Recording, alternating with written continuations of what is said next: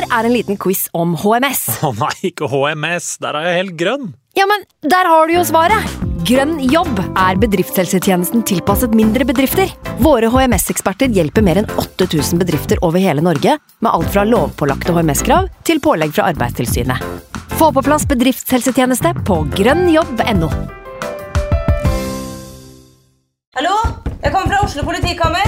Ine Jansen er purk. Er du purk? The motherfucking bitch. Alt jeg vil, er å finne ut hva som skjedde med mannen min. Jon Carew. Er jeg sikta for noe? Iben Akeli. Det er du. Ole So, Lars Berrum og Big Daddy Karsten. Hvem sin side er du på, egentlig? Anette Hoff, Tone Danielsen, Kommer du fra Afrika? Jørnis Josef, Nesten. Kløfta. Trond Espen Seim, Det er synd å si det, men det var feil mann som døde. Purk. Premiere tirsdag på TV2 Play.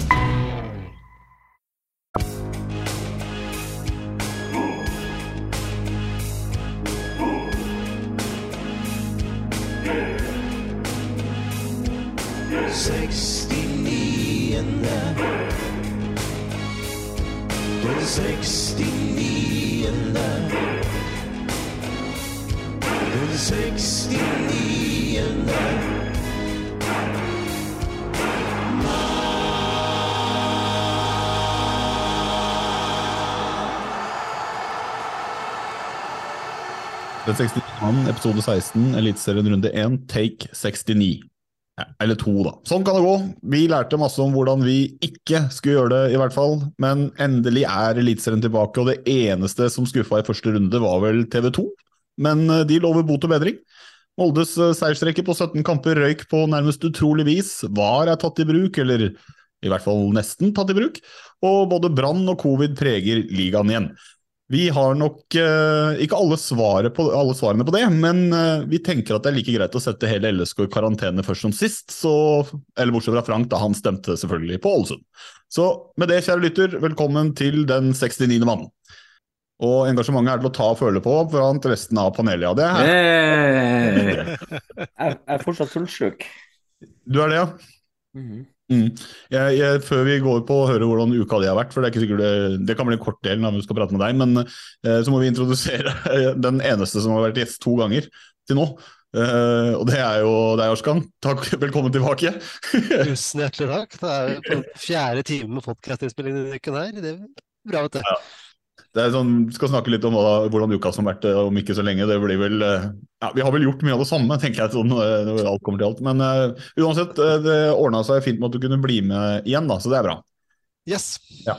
Men for de som ikke hørte forrige episode, det er heldigvis ingen, så kan man rett og slett si det sånn at uh, Arskan, du er jo som meg, uh, Vålerenga-supporter. Uh, så vi er i flertall i dag, men uh, du fulgte også runden og sånn som sist. og skal være med, skulle egentlig være med som vikar for Frank, men i og med at du måtte spille inn på nytt, så fikk Frank bli med. da, Så da blir du med som gjest i dag, da. Det er nydelig. Ja, det blir bra. Men uh, skal vi bare sjekke litt uh, hva som uh, har vært, da. Så kan vi starte med deg, Orskan, i og med at praten er i gang. Hva, hva, hva, hvordan har uka vært? Det har vært bra. Jeg satt og tenkte litt på det litt tidligere i dag, hva, vi skulle, hva jeg skulle si, hva jeg skulle snakke om. Liksom, hvordan har uka vært? Jeg var skuffa på mandag, eh, for at jeg syns kampen til Vålerenga var så som så, og TV 2-røra. Eh, og så har jeg sjekket statistikk, og Vålerenga vinner jo nesten aldri på Color Line Stadion, så vi burde kanskje være fornøyd med tre poeng. Mm. Eh, og ta det som en sånn ja, OK, ålreit, første kamp. Eh, det får gå. Eh, vi ser fram mot Sarpsborg hjemme på søndag, tenker jeg. Mm. Det er det det har gått i. Det har gått i fotball, egentlig. Mm. Mm. Uh, ja, Frank, har du noe andre, annet enn fotball, eller er det fotball for deg òg? Nei, det har jo, det har jo vært eh, påske siden sist vi spilte inn. Så det har jo vært en liten tur i Trondheim, og så har det jo vært bortetur i Sarpsborg. så Som jeg nevnte så vidt, så er jeg fortsatt litt sånn groggy etter den turen. Uh, ble jo dagsfylla. Nå høres det jo ut som for lytterne at jeg er den alkoholikeren, men det er sånn er det i hvert fall å være på bortetur. Uh, Spøy ut dassen på flyet på vei hjem, og ja. Har eh, avslutta det hele med å spille kamp sjøl, da, eller treningskamp sjøl, så jeg har virkelig fått kjent på hvor tungt livet kan være. Det helt vanlig Bodø-påske. Ja. Nei, altså for, for, min del så har det jo, som mange andre, sikkert både lyttere og dere i panelet, gått mye i, fotball. da, Eliteserien. Eh, men det har jo gått mye i pod, da, i og med at vi må, eh, måtte ta en runde til. Vi skal komme tilbake til det. Men eh, det har gått i pod, eh, fotball og litt skole. Eller en del skole. Eh, så det er ikke så veldig sånn spennende. Men eh, det har vært en eh, ja, innholdsrik uke, da, om man kan si det sånn. Det har vært eh, høyt tempo. Så det eh, ja, ta med det inn i dagens episode. Høyt tempo i dag òg. Prøv på det. Så eh, uten å bruke for mye mer tid på det, så kan du jo spørre Jonas, da, eller aka TV2-Jonas. Ja, ja, ja, ikke sant. Nei, jeg, jeg har jo vært i TV 2 siden sist, da. Det er det jeg har gjort. Det, det har vært påskeferie og ikke så mye. Jeg har vært mye med barna, mye fotballtrening. eh, den, den slags. Jeg lurer jo på hvordan uh, du får eh, hjulene til å gå rundt, da, Snorre, for du er jo du er student. Og så snakka jeg og Frank på FaceTime en dag og jeg fant ut Snorre på jobb? Hva, hva jobber Snorre med, egentlig? Vi fant ut at du var, for de som har sett Friends, at du var litt sånn Chandler. da, at uh, Ingen som veit. Ingen som vet hva du jobber med. Hva jobber du med? Hva jeg jobber med? Ja, Nei, jeg er student, da, så jeg, jeg jobber jo med skole òg. Det er stort sett det. så Når du sier at du er på jobb, så er du på skolen? Ja, jeg pleier vel egentlig å si at jeg er på skolen, men jeg skal begynne å jobbe til høsten. da. Jeg leverer mastergrad nå um, før sommeren, forhåpentligvis, og så er jeg eh, i jobb fra høsten. Eh, og så er du gravid, samboer, venter nummer to. Det er også korrekt. Når er fødsel? Midten av september. Gleder du deg? Og ja, altså Jeg har jo gjort det før, da. Eh, ikke vært gravid, det har jeg ikke gjort så mye av. Men eh, jeg har jo vært gjennom eh, fødsel før, og det var jo en sjuk, eh, fet opplevelse sånn alt i alt når man ser tilbake på det. Så det, jeg går, håper jo at det blir en, eh, en eh, like bra dag når man ser tilbake på den også. Jeg gjør jo det. Men eh, det er jo, arbeidet starter jo eh, ja. Ni måneder før? Ja, det kan du si. Men eh, det, det er jo, hverdagen kommer jo. Eh, den ene dagen og så videre, så kommer man hjem, så er det jo, er det jo plutselig to. da. Og det, det er jo noen som sier at én er mye, to er nok. Så Én er én og to er ti? Mm. Det, ja, det, det, er større forskjell å gå fra null til én enn fra én til to. Mm. Eh, for oss har det gått eh, veldig greit, egentlig. Men uh, fødsel, det, det skal ikke jeg være med på igjen. For uh, det, kan, det, det har ikke jeg sagt til dere, forresten. Uh, første fødselen min, skal jeg si. Første gang jeg var med på en fødsel. Var du traumatisert, er det det du skal fram til? Eh, nei, jeg tror alle rundt meg ble traumatisert av meg. For eh, det der var jeg jo forberedt på. Gikk jo på sånn kurs og la meg skikkelig opp og det, visste hvordan alt foregikk og alt det der. Og så er det jo sånn med meg da at hver gang jeg gleder meg til noe, så blir jeg sjuk. Sånn har det vært hele livet. Så, eh, så husker jeg på det var en lørdag, så står jeg opp og føler meg litt sånn øh, Føler at jeg må på do og drite, da, rett og slett. Men øh, det var ingenting som kom ut, og det, det føltes litt sånn merkelig. Og så la jeg meg i sofaen og så TV, og så sovna jeg helt ut av det blå. Og så våkner jeg, og da er det Liverpool-Tottenham, en kamp jeg gleder meg til å se. Og jeg ligger og skjelver og svetter og ordentlig feber, da. Eh, og fryser. Og så sovner jeg og våkner og er glovarm og må ta av meg dyna. Og så sovner jeg igjen, og, og sånn holdt jeg på hele tida, da. Hele dagen. Hanna høygravid. Og prøvde å gå på do, ingenting fungerte, Jeg følte meg skikkelig dårlig. Og så ble det bare verre og verre. Hanna vil at jeg skal ringe legen, og nei, det, det har jeg ikke lyst til å gjøre. Så, for nå er det De gjør ikke noe lell, og den en lørdag, og ja. Og så på kvelden, altså, jeg hadde jo litt hår, eh, langt hår, så da ligger Hanna og holder håret mitt, gravid som jeg mens jeg spyr i ei bøtte. Og da sier jeg til hun at nå starter fødselen. Så sier hun nei, den gjør ikke det. Så jo, hver gang jeg er sjuk, så er det fordi at noe stort skjer. Og så jeg rekker ikke å fullføre den setninga, så går faen meg vannet. Det er sjukt. Det, det er sykt. Og bare, ja.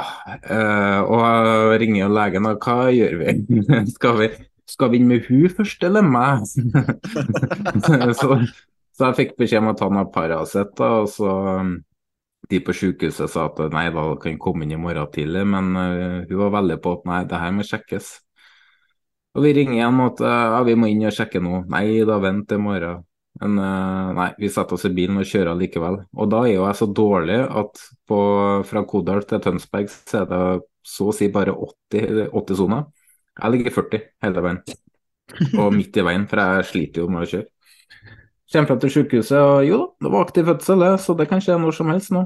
Så da måtte det bli 22 timer etterpå, så var fødselen ferdig. Men under hele fødselen så lå jo jeg og Jeg mente sjøl at jeg ikke sutra noe mye, men eh, Hanna mente at jeg sutra noe jævlig, da.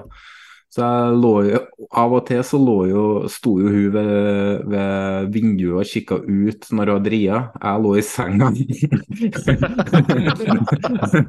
og knaska Paracet etter Paracet og fant ut at jeg måtte ta to Paracet hver tredje time for at jeg skulle holde meg i sjakk, sånn at jeg skulle klare å gjennomføre fødselen. Men idet fødselen var ferdig, da gikk jeg jo rett til bakken. Så jobba jo søskenbarnet til Hanna på sykehuset, så jeg sa til henne, og hun jobber jo med blod, da. Så jeg kan ikke bare ta stikket nål i fingeren min og måle CRP. Ja, det kan jeg gjøre, så skulle jeg gjøre det når jeg har tida, da. Så fikk vi heldigvis eh, rom på ene familierommet de har.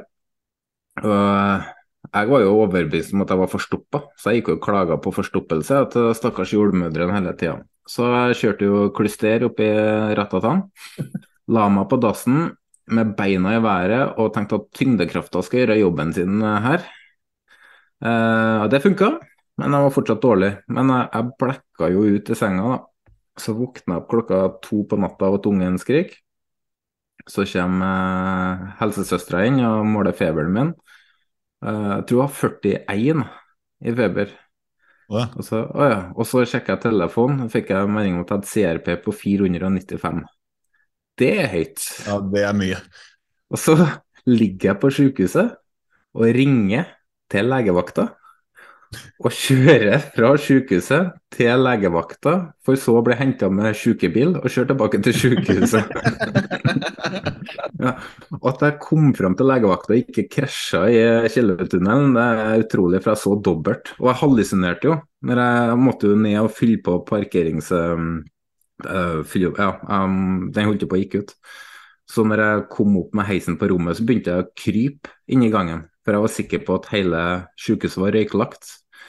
Og de på sykehuset ville ikke slippe meg inn, for de trodde at jeg var narkis. Så det var mye som skjedde, da. Men tolv timer etterpå så ligger jeg på operasjonsbordet. Da var hasteoperert fordi blindtarmen eh, var i ferd med å ryke. da. Så på dag to som pappa så gikk det jo bilder av meg i rullestol med ledninger her og der og unge i fanget. Så det så ut som det var jeg som hadde født, da. ja, men det høres nesten ut som at eh, du hadde det. Nei, det var en, eh, det var en hard fødsel. Det var det. Mm. Så, nei, Men vi gir ikke din kjære samboer Hanna noe tilsvarsrett på denne historien. Vi lar det stå som den offisielle hardeste fødselen. Ja, altså, hun var jo ordentlig forbanna på meg under fødselen. Men når hun kom inn på rommet når jeg lå nyoperert, da var det ei som hadde litt dårlig samvittighet etter at hun hadde født. Men hell i uhell, jeg slapp heimevernsøvelse igjen. Ja, aldri så gærent at det ikke er godt for noe. Det er en uh, spesiell historie. Takk for at du deler, uh, om vi kan si det sånn. Men, det var sikkert kjempeinteressant. Nei da, det var ikke det. Men vi går videre. Nei da, det var gøy. det var gøy. Eh, vi eh, må rett og slett snakke litt om episodene framover. For som nevnt i introen, eh, så ble dette take two av eh, denne runde én-episoden. Vi har jo i en stund nå laget eh, podkast, eh, men bare i eh, preseason.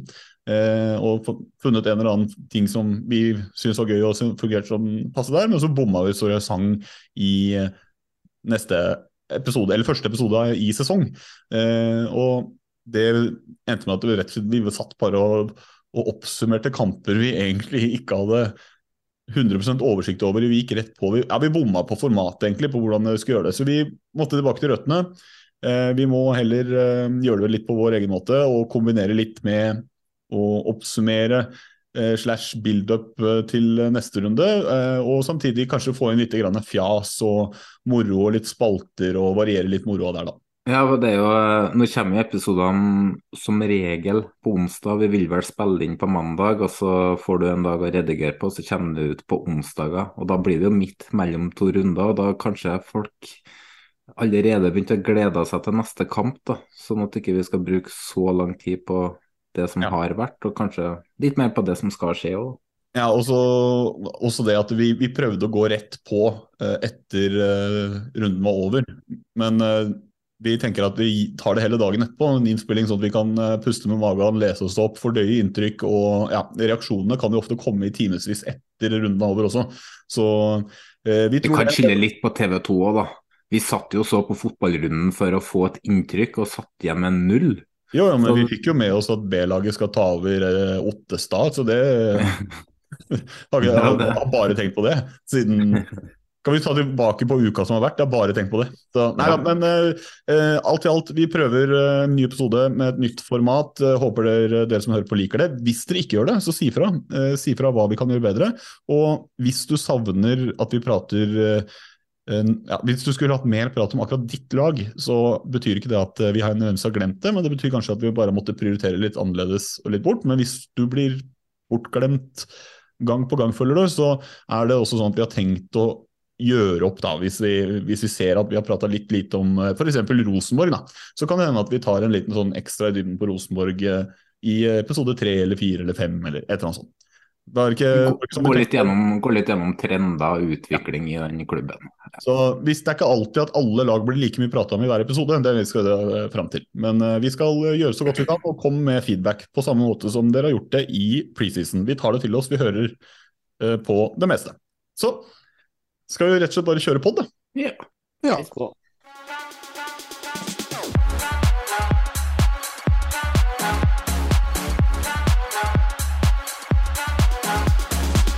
Ja, for eh, det er jo seriestart som vi egentlig skal snakke om i dag. Og vi er eh, endelig i gang med Eliteserien 2023. Vi har venta i fem lange måneder, og endelig fikk vi ny norsk toppfotball på TV-en og på stadionene rundt omkring.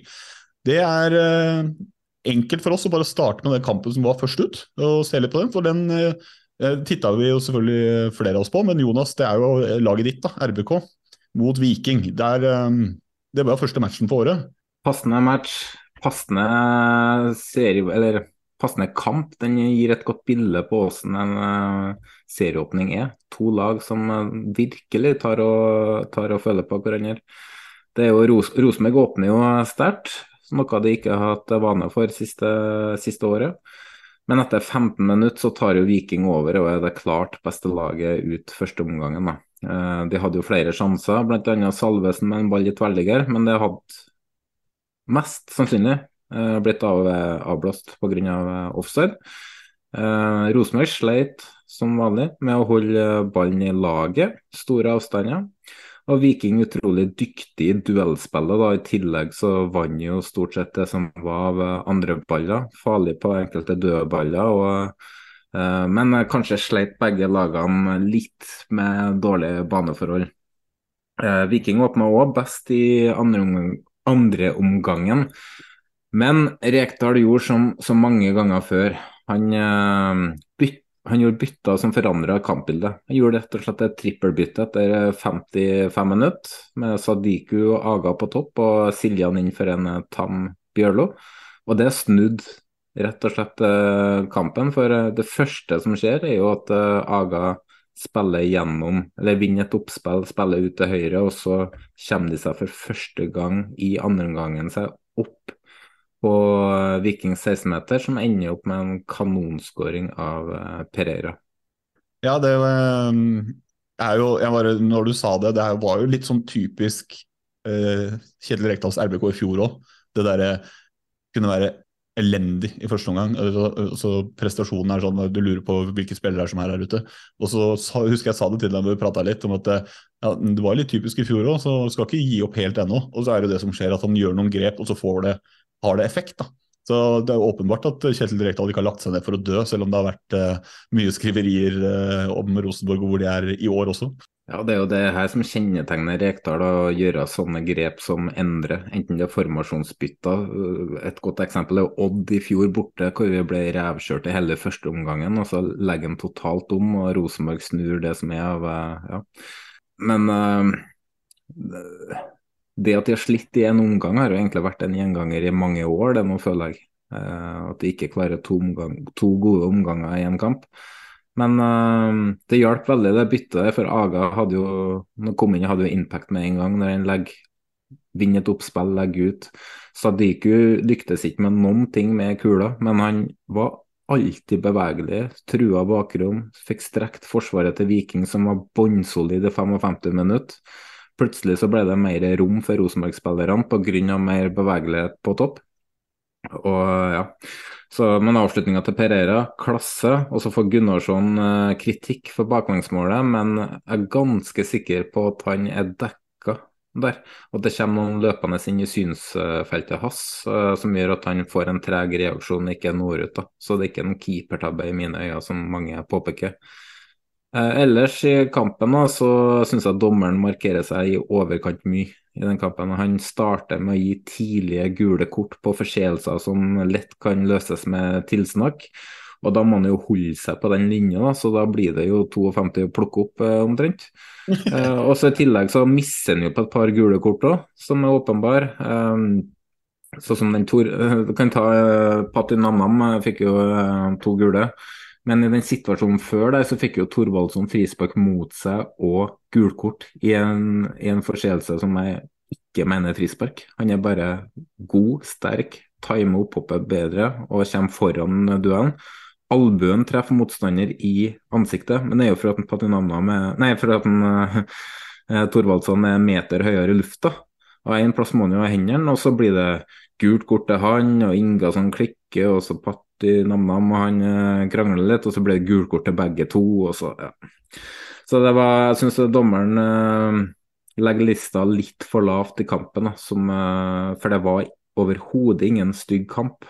Par etterslenger bare, men i alt i alt så syns jeg Rosenborg er litt heldig, som eh, får eh, tre poeng. Det er egentlig en kamp som egentlig en uavgjort kamp. Men uh, det er styrke å vinne på sånne kamper, og det viktigste serieåpning er å ta tre poeng. Og det lykkes de med.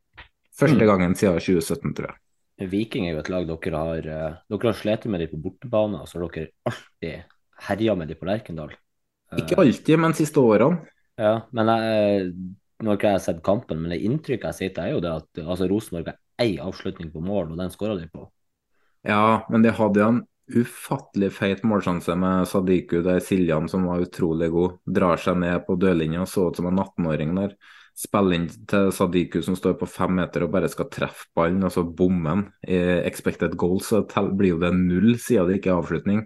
Men det skal jo være målet sju ganger i uka, altså. Så men eh, ellers hadde ikke noe skudd på mål, nei. Men eh, Viking hadde heller ikke noe mye skudd på mål. Jeg tror Andre Hansen har ei redning, men de har noen feite der på dødballer, blant annet. Men uh, um, er, Apropos Viking, da, så syns jeg eh, Man har lurt på hvor står Rosenborg, men man, det spørsmålet må jo sies å ha blitt stilt om Viking også, med tanke på at uh, de fikk den begredelige avslutninga på fjorårssesongen. og Eh, litt uro og misnøye fra fans mot sportslig og sånn. Men eh, jeg syns man så eh, hint av at de har noe på gang. Da. Mm. de ser ut til å i hvert fall ha et lavere, eller høyere bunnivå.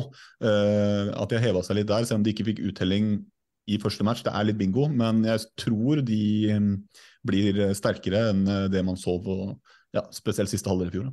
Jeg syns Salvesen så ekstremt, ekstremt pigg ut. Uh, var på, tok mange løp, pressa godt. Par sjanser uh, og ser ut som uh, den, så, den, gode spilleren han er. da. Jeg tror han kan bli, kommer til å skåre mange mål i år. Og det har i tillegg Diag Diagostino i bakhånd som jeg syns er utrolig god spiss. Ser i hvert fall sånn ut. Eh, Sander Svendsen eh, tror jeg kan bli bra i år. Han ser frisk ut. Tripic har fått litt kritikk i vårsesongen, nei, preseason. Han syns jeg òg var svak mot uh, Rosenborg. Um, og der har de, no, har de en unggutt i bakhånd som uh, banker hardt på døra. Midtbanen til Viking ser veldig sterk ut. Jaspekt jo, ser ut til å være et funn, og han kan jo virkelig bli god for vikinger. Bjarnason kommer inn her og får noen minutter. Så jeg tror Viking blir bra i år. Jeg tror de Når vi teller opp det etter sesongslutt, så tror jeg det Om ikke det er på medaljeplass, er det i hvert fall ikke langt bak. da. De blir med og kjemper også. Ja, men det, Vi får vente og se, men vi fikk noen svar i hvert fall fra den kampen. Det er morsomt med sånn eh, store, store oppgjør med sånne store klubber med mye spørsmålstegn rundt. Men eh, fra en som så kamp på TV, til en som eh, var på stadion, spørs hvor mye kamp du så med de øya du hadde drukket på deg, Frank. Du var jo i Du var på bortereise, du var i Sarpsborg, du? Ja, jeg tror det. Ja, du, de sier så. Ja. Nei, eh, ja. Det ble eh, dags, dagstur eh, sørover for å dra på kamp. Mm. Alltid herlig å møte opp med gjengen vi har på Østlandet og i Oslo. Og... Jeg trodde du skulle si det er alltid deilig å dra sørover. Ja, altså det er jo ikke Det, det er jo det er bestandig finere sørpå enn her i nord. Men Oh, oi, oi, oi. Nå vet jeg ikke om du eh, kan eh, vise deg i Bodø på en uke. nei, det går bare fint. Jeg skal på fest her på fredag, så Ja. det da, var jo det- match.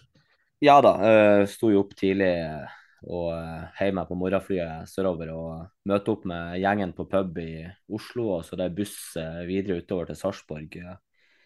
Um, så er det sånn eh, oppsamling på torget i Sarpsborg. Der var det både Glimt-supportere og Sarpsborg-supportere. Det var Glimt stilla med maskot og alt mulig. Det var livemusikk og det var, det var god stemning, rett og slett. Vi hadde jo eh, utsolgt bortefelt òg, så Glimt-supporterne hadde begynt å kjøpe billetter på feltet ved sida av, eh, ved av bortefeltet i tillegg. Så det anslår vi var nærmere 700 stykk. Mm. Uh, og sånn som jeg forsto det på Sarpsborg, så var det her den nest best besøkte kampen deres i historien. Så vi var vel ca. 7000 i Sarpsborg, så det er, jo, det er jo gøy at de eh, drar folk, da. Ja, det bikka vel akkurat ikke 7000 på de tallene. Ja, Så den er- 6950 eller noe sånt. Så, 6969 eller noe sånt, var det ikke det? Ja, 6-9 Nei, stemmer nok det. Eh, selve kampen er jo eh, Det er jo en kamp som avgjøres veldig tidlig. Eh, det er jo et Glimt-lag som går ut og tar kontroll på kampen og skårer to mål, eh, to ganske kjappe mål. Og så er det jo det er veldig gøy at en spiller som han, eh, Sondre Sørli får putt. Han skåra også for så vidt i generalprøven mot Molde helga før. Men en spiller som sliter med skader i lang, lang tid. Så det er gledelig å se at han kan komme inn i ei startoppstilling og få lov til å, å, å prestere fra første sekund. da. Eh, Albert Grønbæk skåra for øvrig det andre målet til Glimt. og ja, Det, det ble en sånn kamp der uh, Sarpsborg er ikke dårlig, men Glimt er bare så mye bedre. Uh, jeg har veldig tro på det. Sarpsborg-laget kan hevde seg godt i årets sesong, men Det hadde ikke vært noe å si om Glimt vant eh, 4 eller 5-0, og spesielt når det røde kortet til Jeppe Andersen kommer i andre omgang. og Også for så vidt eh, VAR-inngripen, for dommer ser ikke taklinga for det den er, og gir bare gult kort å starte med. Blir eh, bedt om å gå ut og sjekke skjerm, og det var vel også en, den eneste skjermen, eller en av få skjermer som funka. Mm. Men da blir jo eh, kortet gjort om til rødt. Eh, det som på en måte er litt sånn skuffende eh, sett fra Glimt sitt ståsted, er det at etter det røde kortet så virker det som at eh, foten blir tatt litt av gasspedalen. Det Det er er litt veldig sånn, uvan, uvant for eh, oss som har sett Glimt de siste åra, at, man- at man får den reaksjonen på det. For 2020-versjonen av Glimt ville bare peisa på. Ja, altså, vi skaper jo fortsatt sjanser, men det, det virker litt som eh, at det er litt sånn på autopilot, og kampen er vunnet, og de bare rir inn seieren, rett og slett. Uh, og så har det jo kommet litt grann, uh, info i ettertid også om at det har vært, eh, og ikke noen forkleinelse for en gjeng nede i Drammen, men eh, mye, syk, mye sykdom i Bodø-Glimt-troppen. Blant annet Patrick Berg og Hugo Vetlesen har vært eh, liggende med influensa. Så det er spillere som eh, sannsynligvis ikke var på sitt eh, mest optimale, men eh, allikevel godt nok til å En komfortabel seier. Eh, solid defensivt også, der vi må inn med en midtstopper på høyrebacken, men ja. Eh, det ble jo snakka en del om um, eh, om en spesiell uh, unggutt sånn på førsesongen for Sarpsborg, med eh, den derre Ba, Benzo Ba. Var det noen eh, Kan du si noe om han, eller? På det du så, eller er ikke du rett person å spørre? kanskje? Nei, eh, jeg har ikke for analysert eh, kampen og i ettertid heller, men eh, Sarpsborg hadde veldig lite å komme offensivt. Eh, De hadde et eh, mål som ble annullert for offside, og umiddelbart så trodde jeg offsiden var klar, men når jeg har fått sett den i ettertid, så er den veldig marginal, så det kunne jo selvfølgelig endra kampbildet. Mm. Men, men Sarpsborg hadde vel, uh, ut ifra sjansestatistikker og de her eh, som er så glad i å bruke expected goals osv., så, videre, så var jo Sarpsborg det laget som hadde prestert eh, dårligst av samtlige i serieåpninga. Mm. Eh, så det at det blir 2-0, det er et veldig fair resultat. Uh, men jeg, jeg tror Sarpsborg de, de kommer seg. Det, det er mye bra i det laget. Mm. Uh, så de skal, ikke, de skal ikke se mørkt på det at de taper 2-0 mot et godt Glimt-lag. Nei. Jeg tror jeg ikke de gjør heller, for å være helt ærlig. Men det var jo litt spesielt med, med Knutsen også, som uh, sa litt det samme som deg, at han var veldig fornøyd med første omgang, men andre omgang det var uh, egentlig ikke noe han hadde lyst til å være bekjent av. Det var en for dårlig prestasjon med tanke på rødt kort og at man uh, ja, gjennomføringa når eh, man måtte bare reide inn til en komfortabel 200-seier istedenfor å fortsette å, å jakte tre og fire og, og sånn. Men eh, det er kanskje lett å stå og si det, men hvis gutta er litt sånn på 70-80% i formen, og, og, så kan det hende at det blir sånn. Jeg vet ikke. Men, Jo da, og det blir jo, det blir jo litt grann synsing selvfølgelig fra vår side også.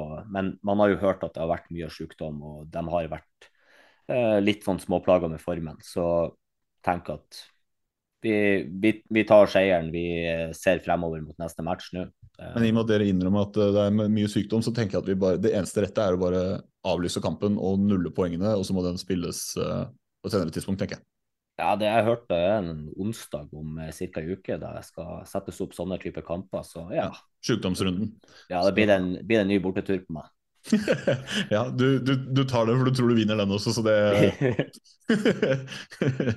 Nei da. Men er det, noe, er det noe mer du har lyst til å fortelle fra, fra det, eller skal vi bevege oss videre? Nei da, jeg føler man har oppsummert kampen greit. Vi kan uh, hoppe over til uh, dere to Vålerenga-sportere, kanskje. Ja, Da kan dere bare mute dere selv, for Arskan nå blir det show for Nå blir det oss to. Nei, eh, vi må selvfølgelig innom eh, den kampen som vi satt og så på når det var fotball eh, ekstra. Eller ja, det, så det var jo ÅFK, eller Ålesund-Vålerenga. Det var jo knytta en del Det var en del spørsmål rundt spesielt Vålerenga, kanskje. Men vi, hva fikk vi se? Hva tenker du, Arskan? Er, er du fornøyd? Altså selve prestasjonen, eh, som Jonas sa i stad, eh, serieåpning, første seriekamp, eh, viktigste er å ta tre poeng. Det gjorde Vålerenga. Eh, spillet til tider minnet meg sånn litt sånn traumatiserende fra fjoråret. Eh, rulle ball frem og tilbake igjen. Eh, så det ble nevnt at eh, ja, Ålesund hadde en kompakt eh, eh, si, blokk eh, bak, eh, bakover der. Det er jo ikke rart, fordi det er ikke vanskelig det når ballen går sakte, men sikkert på tvers Mm. eh, og frem og tilbake igjen. Eh, men jeg syns eh, målet vi skårte Mm. eh, kan vel komme i diskusjon som en av rundens uh, skåringer. For det er da nesten alle, bortsett fra Ratta, som er Mm. borti ballen. Og det er det jeg tror er Fagermo-ball. Eh, Ja. Det er det jeg tror Fagermo har lyst til å oppnå. Uh, å spille sånn fotball. Uh, for det var veldig fint. Eh, men da må vi ha litt mer tempo i, i kula. Ja, det kan du si. Eh, Altså, hvis du ser utelukkende på den skåringa, 18 trekk tror jeg det er, eh, ti mann som er innom, og du spiller deg ut eh, fra eget forsvar, og du spiller deg selv tilbake til femmeteren for å så få den eh, gjennombruddet med å spille opp på strand og sette fart framover i et Ålesund i ubalanse. Eh, det var jo en eh, klasseskåring. Men Problemet til Fagermo er at det der er, var såpass overraskende for så mange at det skjedde. at det, det er ikke noe vi har sett ofte nok. Da, til at vi liksom, men for all del, hvis det her er en trend, at vi gjør det to ganger neste gang og tre ganger deretter, sånn, så kanskje man har noe på gang. Men uh, jeg er enig med deg ellers. Altså, det var eh, mye av det samme det vi har sett i fjor. Og i oppkjøringa at det går mye på tvers, det går sakte, og det er lett å forsvare seg mot, og det blir store rom å kontre på. da. Så mm, ja, jeg, jeg blir ikke friskmelde Vålerenga fordi man vinner, nei. Det, det, det tror jeg ingen gjør. Definitivt ikke. Så var det gode bytter. å få inn Petter Strand syns jeg var veldig fin. Fin figur, eh, som vanlig. Eh, burde startet. Eh, og jeg syns også Jata er energisk på topp. Vi ser at han har lyst til å være utpå der eh, og jage. Eh, så får vi se hvem som starter på søndagen. Ja, det blir jo Børven 100% så men, Du må ikke sitte her og ljuge til deg sjøl. Men uh, jeg er helt enig i at Jatta, Jatta, ser veldig spennende ut. Han tar med seg den trenden fra oppkjøringa inn, og han mm. ser, mm. han ser ordentlig fresh ut og pigg ut. Hadde jo en god mulighet også som uh, kanskje burde vært satt, men han skapte jo mye av det sjøl også, så det var en god prestasjon. Men jeg, jeg, vil snakke litt om Ålesund også, faktisk. fordi jeg, eh, jeg og, og, vi i poden har jo tippa Ålesund ned i år. og Det er mange som har gjort eh, det, og det er mange som har tippa dem i nedrykksstrid. Ehm, jeg vil bare nevne hvert fall, at jeg syns ikke Ålesund gjorde seg bort på hjemmebane. Eh, nå var kanskje ikke Vålerenga målestokken, det er vel kanskje Men det var det var, det var, noe der også. De hadde flere ting som kunne blitt veldig farlige. Det var det en sånn kanonade der hvor Heggheim og Sjøeng måtte virkelig trå til. Og så var det flere farlige brudd, flere farlige innlegg. Eh, nesten sjanse med Isak Atanga, som jeg tror er veldig positiv signering for det. Eh, som Sjøeng i stanga. Sånn. Så må, ja, må ikke avskrive OFK riktig ennå, tenker jeg. Nei, jo, jeg syns det. Jeg syns eh, Lars Arne Nilsens fotball er så gørrkjedelig. Eh, og Eh, vi, at eh, de kommer til å være der nede. Eh, kommer de til å ha gode prestasjoner underveis i sesongen? Absolutt. kommer de til å ha situasjoner og muligheter og spille, spille bra kontringsfotball? Ja. men jeg tror ikke at de er med å regne over kvalik. er jo det, jeg tror, det tror jeg ikke. Får se, Matanga var dritspennende. Han var god. Mm. Uh, spent på å se mer av han utover sesongen. Mm.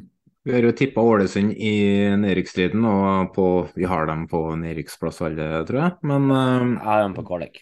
Ja, det vi alle har stilt spørsmål med, er jo hvem skal skåre målene? For vi, tanga, ja, men vi har jo vært inne på at de, de kommer ikke til å slippe inn mye mål. De kommer til å legge seg bakpå, stenge rom og hindre målsjanser og mål imot, og det er en god keeper på strek. Uh, så det blir ikke noe mange mål som går inn der, men spørsmålet er hvem skal skåre målene. Og nå er det snakk om uh, Atanga. De er avhengig av at han skal skåre mål. I, fra 2019 til 2021 så spilte han Nordsjælland. Spilte 55 kamper og skåra 11 mål. Og så etter det så har han skåra tre mål i, i, to forskjellige klubber. Det, ikke, det, oser jo ikke akkurat mål av ham, men uh, jeg hadde, han kom jo til målsjansene. Jeg kom inn her og så spennende ut. Rapt tilslag og sånn. men det er avhengig av at han ehm, kan skape mål og målsjanser for det, eh, noe han ikke har gjort eh, tidligere. I tillegg så må andre spillere på Ålesund gjøre det samme, og det oser jo ikke mål av de heller. Så det er det som er spørsmålet, da, om de klarer som lag å skape nok og skåre nok. Ja. Nei, Vi får se. Jeg vil også kanskje trekke fram eh, at det var bra um, på tribunen på både de stående syngende, men spesielt eh, fint TIFO fra, fra Ålesund. Og ikke minst bortefølget til Vålerenga syns jeg man hørte det godt på TV. Nå er jo riktignok det mikrofoner og sånn, men det var litt TIFO der som man også skal applaudere. Så det var en bra start på tribuneåret, den matchen for de to grupperingene, syns jeg. da. Eh, det vil jeg i hvert fall trekke fram. Definitivt. Mm. Så, men det er den uh, kampen som du og jeg uh, så uh, samtidig. Men det var jo en match som de fleste av oss kanskje så. Det var rundens siste. Og Like etter det så gikk vi i studio for å spille inn den dårligste podden noen gang spilt inn av menneskeheten. Men det glemmer vi, for vi må snakke om Brann. For det er vel få lag som har hatt så mye forventninger til seg. Og aldri har det vel kanskje skjedd at et lag som er nyopprykka har hatt så store forventninger til seg. Og så de rammene. 15 000 solgte, Ove Tue-marsjen eh, opp til eh, stadion og det trøkket i Bergen. Alle øyne retta på Brann stadion, og så leverer de, da. Ja, det er Brann eh, Men ja, de kjører over Haugesund, de skaper målsjanser. De spiller fotball som engasjerer, entusiastisk. Det virker som hele tida vil ha mer, vil ha mer, vil ha mer. Skape en ny sjanse, skape en ny sjanse, skåre mål, skal ha enda et mål. Det er sånn fotball som jeg elsker å se på. Mm. Ikke når det er Brann som gjør det, da. Så nå er kan jeg egentlig rykke ned igjen. Men eh, nei da, eh, Brann eh, befester sin posisjon som et lag som skal kjempe om medalje i år. Spørsmålet er hvordan takler de å møte lag som er antatt bedre? Jeg tenker da spesielt på Molde, Bodø-Glimt. Lag som trykker de bakpå. Og eh, nå har ikke Brann møtt motstand som eh, eh, på papiret er bedre enn hva de er på halvannet år. Så um, det er jeg spent på. Men, uh, Men hvis de taper mot både Molde og Glimt, da, hjemme og borte, men slår resten, så blir det fort medalje, da. Jo da, så er det lang sesong. Den fotballen de, de spiller, den krever mye. Også. Det er høyintensitetsfotball. Um, men uh, samtidig så har de mer bredde enn hva folk tror. De har jo Castro ut med skade nå, bl.a. Tore Pedersen. De vil jo komme tilbake. så de de har jo folk i i bakgrunnen som kan eh, komme inn og utgjøre en forskjell og sånn òg. Mm. Um, jeg har trua på Brann, uh, det må jeg si. Men, um, men igjen, vi har ikke sett dem mot store lag ennå. Og når jeg sier Bodø-Glimt og, og Molde, så kan jo nevne Viking og Rosenborg og de som er tippa topp seks, topp sju, Lillestrøm. Hvordan takler de den type motstand? Det er jeg spent på. Hvis de takler det, da er Brann et lag som er med og kjemper om medalje i aller høyeste grad, og kanskje favoritt òg, til en tredjeplass. Er du enig, Frank? Jeg skulle til å si at jeg syns det er veldig spennende spørsmålene Jonas stiller der. og Jeg har jo tenkt akkurat det samme sjøl. Jeg tenker at hvis du, hvis du deler tabellen i to og sier du Brann skal være på øvre halvdel, det, det, tror jeg alle er enige om. Men så er det hvordan presterer det her laget her når de møter de lagene som er på øvre halvdel.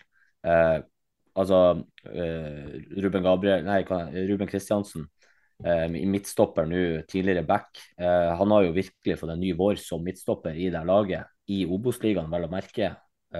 leverer en god kamp nå også mot Haugesund, men han har jo ikke tempo og den slags som sin store forse. Så hva skjer når ballen flytter seg veldig raskt rundt han? Henger han med da? Uh, Jafet Seri Larsen er klassestopper. Han tror jeg har det nivået inne. Og det, det så jeg i fjor i Glimt òg, en altså Jeg er jo sur for at vi slipper han, for det er en spiller Glimt virkelig kunne ha dyrka videre. Uh, jeg tror det her med at uh, spillestilen som han Jonas er inne på, det er en tøff spillestil, men ta og se på f.eks. en spiller som han Bård Finne nå. Han er så gjennomtrent. Og det, jeg tror det der er, det er noe de har gjort i vinter, og det er noe som er med Horneland sin eh, mentalitet å sette inn i spillergruppa. der Vi skal i hvert fall være best trent. Jeg tror det ligger noe i det der. Jeg tror det brannlaget her eh, jeg tror det, det, det, kommer til å være knalltøft å møte, i hvert fall. Så får man se hvor langt det kan ta dem. Mm.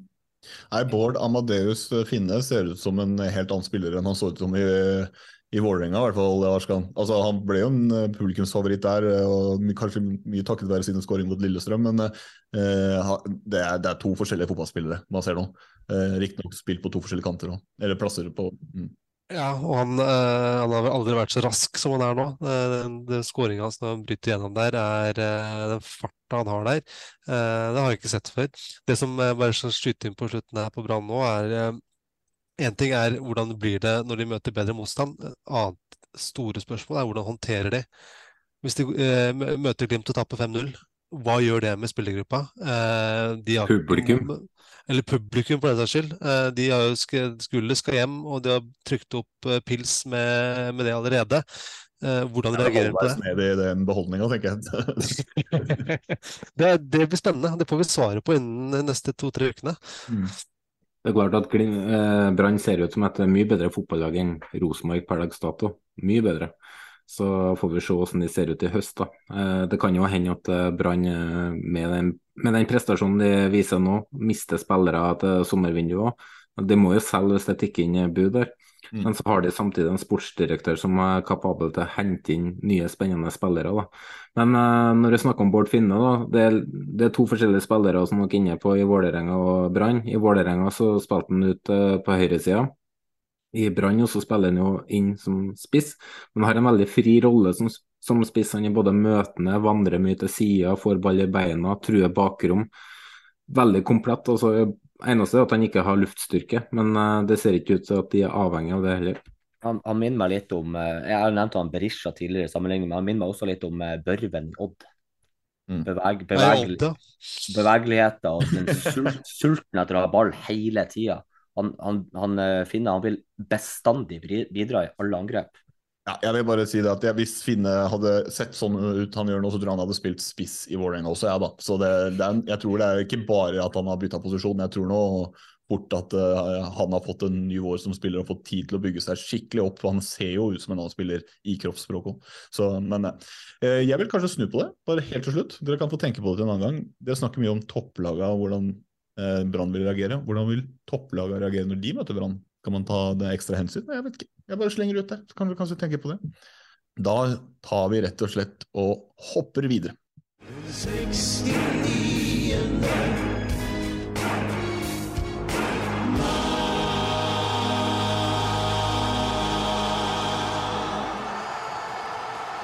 Det er jo ikke bare matcher eh, som vi har sett som vi må snakke om. Nå snakka vi hovedsakelig om de matchene vi så, de vi det som engasjerte oss eh, kanskje mest fordi vi var tettest på det. Men eh, det er noe man ikke kommer unna. Vi har lovt oss selv at vi ikke skulle prate altfor mye om VAR i denne poden. Det husker kanskje Jonas og Frank fra første episode. Men det jo, var en historisk runde. Det var første gang VAR ble brukt i Norge, eh, Norge i forbindelse med norsk fotball. Så litt må vi se på det. Fordi det gikk jo ikke knirkefritt, det kan vi ikke si. Det gjorde det ikke. Eh, det var jo var på tre-fire stadioner at eh, skjermen ikke fungerte. Det er en konspirasjonsteori der da, at eh, Lillestrøm-supportere var så forbanna på NFF at de gikk og ødela signalet, da, sånn at ikke VAR-signalet var fungerte. For det var vel noe nettverksproblem der. Så vi får jo håpe at det fortsetter, da, at ingen VAR-skjermer fungerer fremover, sånn at vi kan få et VAR-fritt eliteserie. ja, det er løsninga. Ja, jeg tror det. Um, det var jo bl.a. i HamKam og Sandefjord-kampen at den ikke fungerte. Men eh, nå var jo nå var jo egentlig NFF litt heldig der, for det var jo ikke noen hendelser som eh, man måtte bruke VAR på. Det var en handsituasjon som dommeren heldigvis så da, når, når, før Udal skåra på straffespark der. Så mm. det var jo ikke så mye mer enn en det. Og så har vi en annen hendelse som vi skal inn på litt senere. Ja, men det er jo, det er jo mye, mye um, tilfeldigheter, kan man jo si. At de, utslagene ikke blir større. Eh, for det var vel på et tidspunkt fire skjermer som var nede, eller om i hvert fall tre, om Terje Hauge sa. Så det er jo bare tilfeldigheter at det ikke får større utslag, tenker jeg. da. Men når vi først er på Briskeby, så må vi jo snakke om eh, Snorre sin favorittspiller, må vi ikke ja, ja. Ikke, ikke, tenk på det. Henrik Udal er stort uh, Han er savnet, men aldri glemt, nei. Så det er altså Hva skal man si, da? Det er jo kanskje det klareste beviset på at uh, Fagermo og supporterne ikke er enig i Vålerenga. Uh, uh, Udal, som var uh, publikumsfavoritt nummer én, selges for ja, Kall det småpenger, egentlig, i forbindelse med de siste summene vi har sett i Eliteserien. Men Og hva gjør han? Jo, han skårer to mål for Eh, et HamKam som spiller en av sine kanskje viktigste kamper denne sesongen allerede i første runde, og, og avgjør den matchen for dem med de to skåringene. HamKam tar seieren her nå, men eh, hva er det som skjer med Sandefjord? Det virker jo å være ganske så tafatt, det de eh, leverer, rett og slett. Sandefjord de hadde Jeg var og sjekka statsen, og de bomma jo med 1 for de har 68% ballinnhav, og de, de styrer mye av spillet, men de, de skaper én sjanse, eller hva det er det, jo, det, jo, eh, det virker jo ikke som at de eh, er laga for å måtte spille den der type spill. Det virker som at Sandefjord de skal bare ligge bakpå og kontre. Jeg snakka om det der med dere før, uh, før runden ble spilt, og da sa jeg at HamKam vinner 1-0. Fordi at uh, Sandefjord trives best når de møter lag som skal spille seg ut bakfra. Fordi Sandefjords forse det er det høye presset. Og uh, det, der er de gode. Og når de vinner ballen høyt, så er de veldig gode på å utnytte overtallet de da får med det gjennombruddsside kanter. Det får de ikke mot HamKam eller mot Rosenborg. Eller, eh, ja. Mens når de nå skal møte Tromsø til helga, så vil de møte akkurat det. Lag som spiller seg ut bakfra, og de får et helt annet kampbilde. Samme kan de skru tida tilbake i halvannen måned når de møter Odd i cupen. De møter et lag som skal spille seg ut bakfra, og plutselig leder 4-0 fordi det passer dem mye bedre. Eh, når de møter lag som Kamma, der det er fysisk fotball hvor de slår over pressleddet, da er Sandefjord sjanseløs, for de har ikke fysikk i det laget der. Og så har jo dere 2-0-skåringa til Udal med Jesper Toje på, um, som skal forsvare seg der, som får rett og slett uh, Kirkvold til å se ut som Marien Robben, rett og slett. Ja, så jeg skulle bare si det at jeg er jo den eneste som har tippa Sandefjord ned. Da. Dere tippa dem vel på kvalik eller over. Men uh, jeg vet ikke, er, er det laget godt nok til å berge plassen? Jeg også, I og med at jeg har tatt dem på kvalik, så, så kan det hende at vi har tatt dem på kvalik, men at de ryker i kvaliken. Da. Vi har jo ikke spurt om det. Så, nei, nei det, det, blir jo der nede, men Arskan, hva tenker du helt til slutt? Eh, rakettforskeren her hadde sett eh, Odd Sandefjord-kampen og tenkt sånn Nå har du noe på gang, Sett på på en åttendeplass! du lot deg lure. Nå skal jeg skille meg, tenkte jeg. Nå, nå har jeg tenkt utenfor boksen. Får vi se, da. Ja, vi får se. Kanskje du treffer. Det har gått én runde, så vi skal være litt sånn Ja ja, det kan hende du treffer. Men uh, det var jo ikke bare i um, Altså, VAR ble jo brukt, som du nevnte, Falk. Nei, Falk, ja. den, er, den er frekk. Ja, lille pappa. Ja. Skjønner du? Det er det det går i. Nei, ah, dette, nei, dette, dette, tar vi med. Men VAR ble jo brukt, som du nevnte, i Sarpsborg, Frank. Uh, der der det ble, ble, litt, uh, ble litt, situasjoner. Men uh, ikke bare var det noen steder hvor det ikke ble ja, kunne bli on field review og sånn pga. skjermer nede, men det var jo også en match hvor man kanskje skulle hatt en annen teknologi òg. Vi snakker mållinjeteknologi. Ja, jeg så jo på Tromsø mot Molde, for å ta det først, da. Så vinner jo Tromsø 1-0. Ganske ufortjent. Uh, må skyte inn at Frank fikk beskjed på Twitter fra Tromsø-supportere om at du får ikke lov til å snakke om kampen her. For de ville høre meg og Snorre snakke om, uh, snakke om Tromsø. Så de, de, de, vil ikke høre en bodøværing innrømme at det er en sterk seier av Tromsø? Ja, greit. Nei, de, de, de, vil ikke høre det. Så de får heller høre meg fortelle hvor heldig Tromsø faktisk var. For uh, Molde gjør en kjempekamp. De gjør en utrolig bra borteprestasjon. De produserer målsjanse på målsjanse. Uh, og det er jo helt utrolig at ikke de skårer fire-fem mål. Uh, Wolf Eikrem så ut som en million dollar ute på midtbanen der. Uh, Linnes utrolig god på høyrebacken, får slått presise innlegg. Men Jakob Haugård i mål, herregud for en keeper. Jeg var inne på det før eh, seriestart, at han ser ut til å ha tatt steg, og jommen, det har han. Uh, starter kampen med å gjøre klasse, en klasseredning etter avslutning fra Brynildsen og og fullføre hele kampen på høyt nivå. Jeg så eh, Jonas, jeg så han eh, Han er jo den som da er rundens spiller på NTB sin børs. Han er eneste med karakter 9, og det er jo altså en keeper som har ni, ni karakter på børsen. Da har han levert godt. Men, det, eh, ja. men poenget her er skulle Molde hatt en? Det egentlig det. Jeg, jeg, kommer, inn, på der, for, det, for vi kan jo begynne med VAR i den kampen her, da. For jeg tror ikke den fungerte i den kampen heller.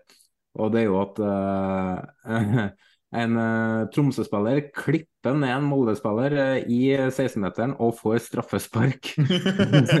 det, det, er helt utrolig at dommeren Han står så jo situasjonen at, uh, at det skal ikke være mulig å bomme men, på. Mener du, mener du at det er feil? Altså, jeg mener jo det at så lenge det er Molde, så er det helt rett. Ja, det er rett og feil på en gang. Men han blåser straffespark, og så redder Karlstrøm den, ja. Uh, og så går det bare tre minutter før, uh, før uh, Tromsø setter inn 1-0 etter et kjempeskudd fra Erlien. En av Men det, det straffesparket, hvis du går tilbake og ser på det, så er det fire Molde-spillere inne i 16-meteren i det straffesparket blir tatt.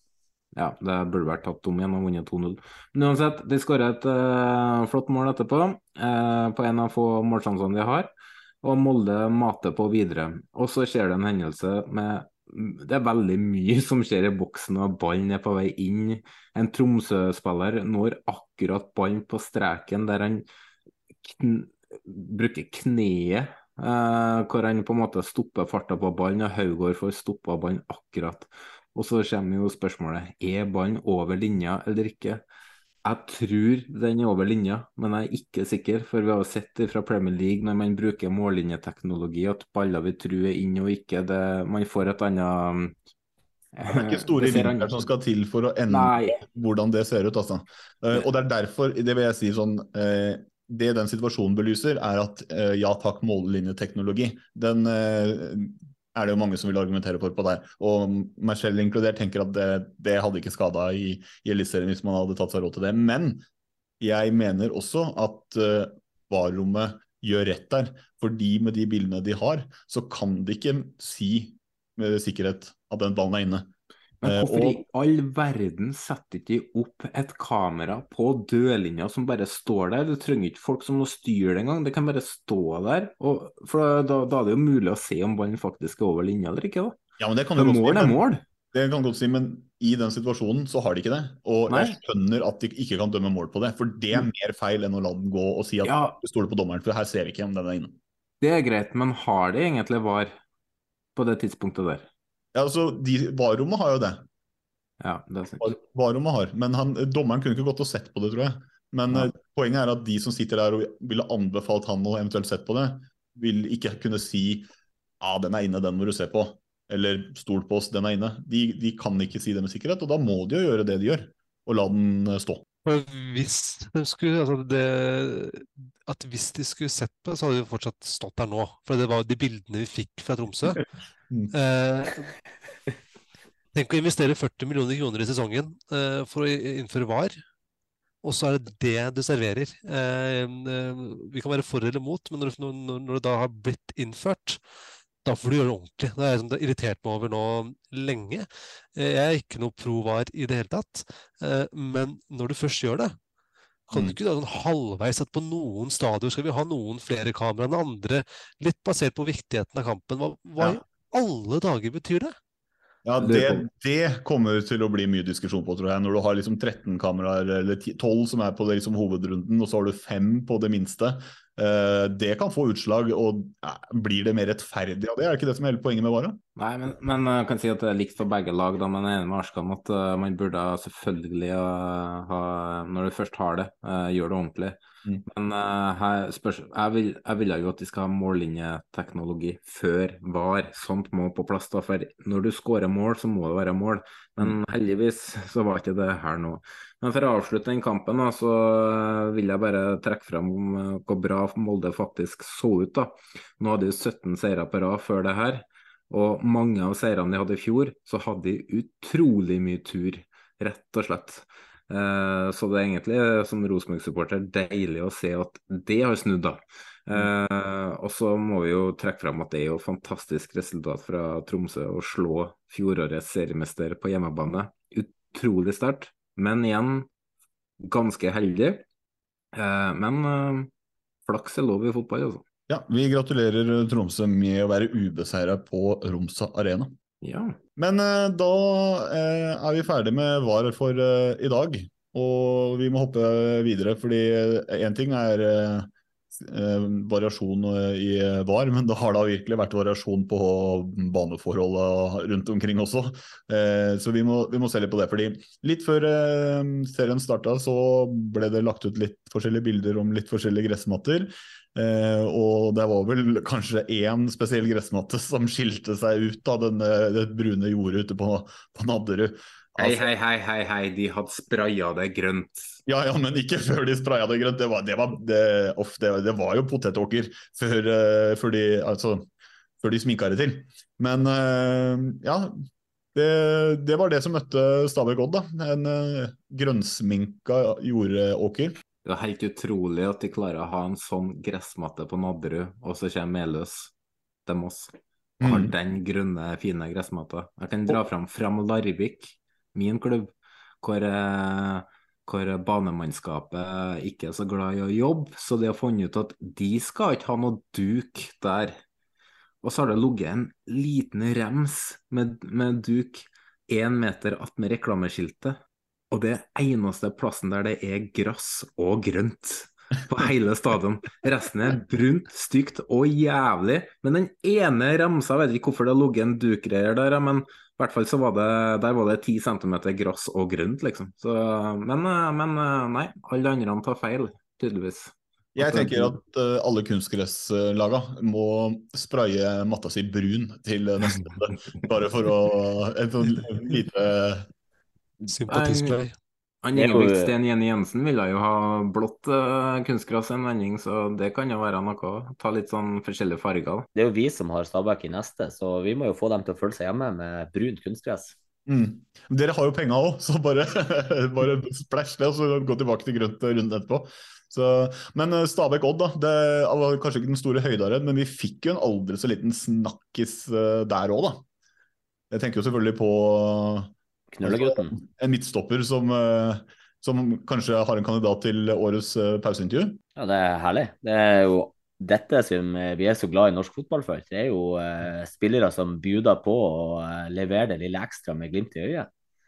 Så knullegutten fra Danmark fikk eh, passe påskrevet av eh, egentlig bare en herlig eh, diskusjon. Jeg vet ikke om han skjønte det sjøl engang, eller om det var intervjuer som var litt utfor var vel en intervjuer som var litt kåt på klikk. Eh, og skulle kjøre flest mulig saker eh, ut av det intervjuet. Men kampen Jeg snakka si, med en god venn, Andreas Aalbu uh, sett kampen på si markedssjef, uh, kommersiell leder i, i Stabæk, og sa det at uh, det var jo to keepere som var på jobb, og som kunne vært barnets beste på hver sin side. Ikke så mange sjanser. og han nevnte også at de har altså, Den ene åpenbare forsterkningen til Stabæk i hvert fall, har jo vært høg på topp, som kommer til å bli spennende. Eh, men også godeste Jonathan Luca på midten. Eh, dypt sentral midtbanespiller. Eh, god i vinter. fysisk sterk, leser spillet godt. Gjør veldig mye viktig grovarbeid. Så det blir spennende å se. Han får jo nok å gjøre på søndagen. Så får vi se hvordan han, han tar den. Og så tilbake igjen til den Bohin-tweeten nå all den parodien som har kommet av den, mm. det er top notch Twitter. Jeg elsker det. Jeg tror ikke det var hensikten til uh, Lars Bohinen, men vi tar det vi får. ja, han tar det personlig òg, vet du. Se ja, ja, svarene hans underveis, så blir det noe ordentlig furt. Og det, er kjempegøy. Det var en god uke for Lars Bohinen. Der uh alle var usikre på identitet, identiteten hans en periode der, og hvor er han ifra? Og så drar han fram den tweeten der. Det, det skaper blest. Det er nydelig. Men eh, det var jo gode forhold eh, på matta et annet sted. Og det er ikke så rart når du ikke spiller kamper eh, på den eh, matta. Det, vi skal til Åråsen. Så det er lett å holde ei gressmatte i gang som ikke brukes, si. Så, men, men eh, vi må kjapt innom kampen som ikke ble, ble spilt, da. Ja, for vi har jo med oss nå i studio Espen Makkestad, som skal fortelle litt om det som har skjedd. ja. Så, vær, vær, vær så god, Askan. Ti minutter med covid. Ja, vi vi, vi droppa Nakkestad, så vi tar med Kari Jakkestad i stedet, da, som kan uh, fortelle hvor lite farlig covid er om dagen. da. Nei, det, er jo, det har vært totalt meltdown på Twitter, da. Det kan jeg jo si, da. Det er jo um, der har det jo eh, florert med konspirasjonsteorier eh, fra den ene til den andre, mot spesielt godsefansen som har fått det, da, og de har svart. Og det er jo um, Ja, det er, det er, jo ikke helt riktig å la det gå utover godsesupporterne, da. Uh, for det er jo Norges fotball, fotballforbund som har uh, tatt avgjørelsen her. Men uh, ja. Nei, altså Det var jo full meltdown, ja. Det, det er ikke noe tvil om. Men Arskan, du hadde noen tanker, du? Jeg syns uh, Du hadde en liten prat om det da vi, på den episoden som aldri kom ut. Uh, men uh, at godsesupporterne får kjørt seg, det syns jeg er merkelig. at ikke NFF Nå har jo de fått kjørt seg mye mer, NFF, siden, siden vi spilte inn på mandag. spesielt med tanke på at godset kom på jobb og trente på tirsdag. Mm. men jeg syns det er en uting at vi går etter support supporteren eh, av laget. Det gjelder egentlig mange saker hvor vi går etter supporterne når klubben tar merkelige valg. Eh, men at ikke NFF får kjørt seg her. Mm. At ikke alle kaster seg over NFF. For det bingoen den driver med, hvor de ene øyeblikket tildeler Glimt avansement i cupen, og andre øyeblikket Nei, den må vi utsette. Det er litt sånn finger i lufta. Så får vi se. Kanskje vi skal spare gressmata til cupkampen. Vi aner ikke. Det er helt sinnssykt. Mm. Ja, det, altså, for det første, jeg har jo ikke spist så mye popkorn på lang tid som jeg har gjort den siste uka. Det er jo helt nydelig at, uh, at vi får litt banter igjen. Uh, jeg tror jo det her med at uh, Lillestrøm-sporterne er naturligvis pisse sur. Og altså, de er jo fått utsatt åpningsfesten, rett og slett. og jeg tror jo både Lillestrøm sine supportere og Godset sine supportere gleder seg voldsomt til denne kampen. Men det er jo selvfølgelig det er jo et par eh, supportere fra Godsets side som, eh, som, går i den fella at de begynner å skal forsvare det her. Da, da får jo de den her brorparten av banteren slengt rett tilbake igjen. og Det er jo det som er det er jo, det er jo gøy for en nøytral supporter å se på, men jeg skjønner jo hvordan drittslenginga eskalerer.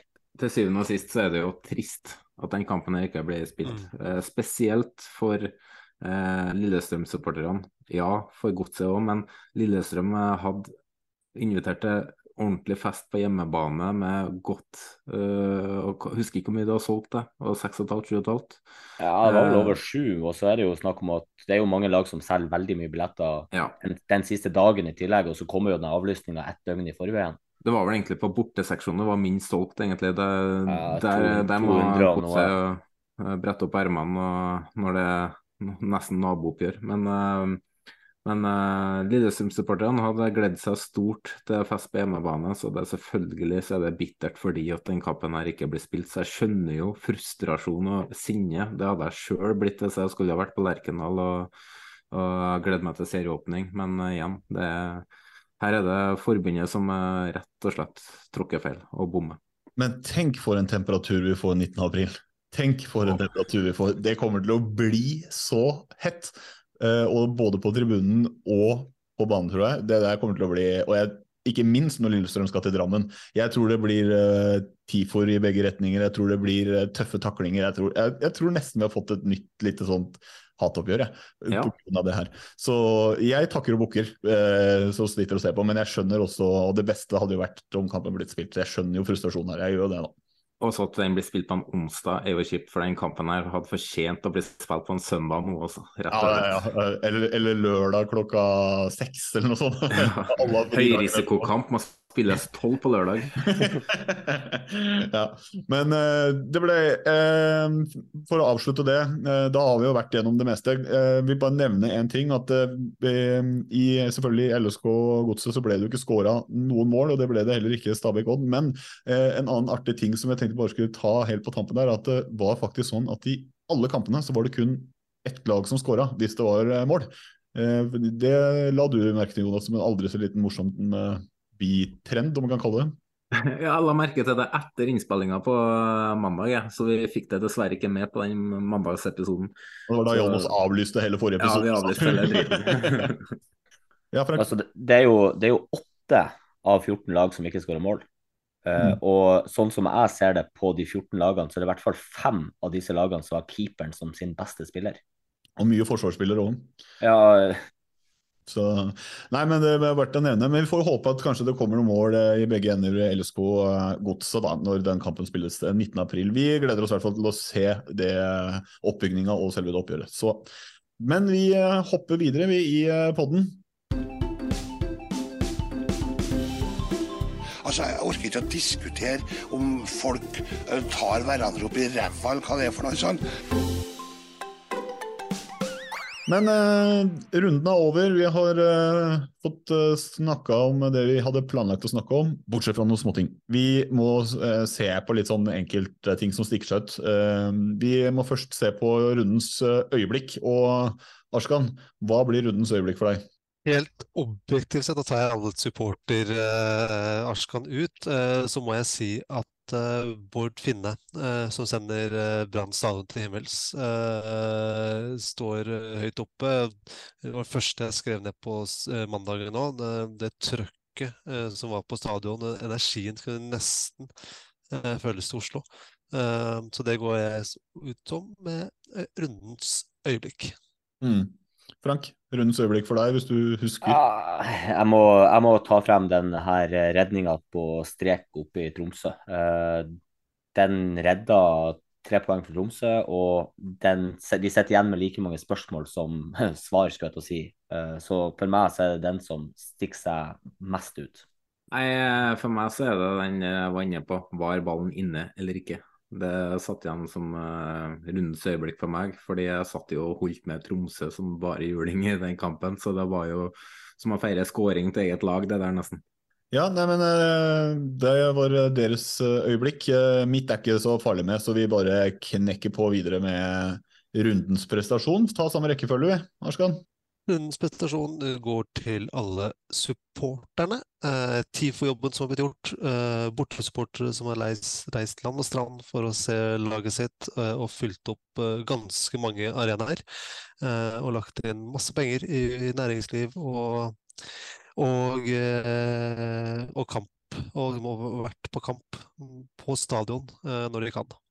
Ja, Nå angrer jeg på at jeg ikke tok det samme som Arskan, for jeg er helt enig med han at det er helt nydelig å se den entusiasmen som er allerede for første serierunde. Og uh, Jonas la vel ut en tweet med brukeren vår her uh, for en dag eller to siden, og der han skrev det at hadde Lillestrøm uh, godset blitt spilt, så det, det har vært den best besøkte runden på de siste 12-13 årene, eller noe sånt.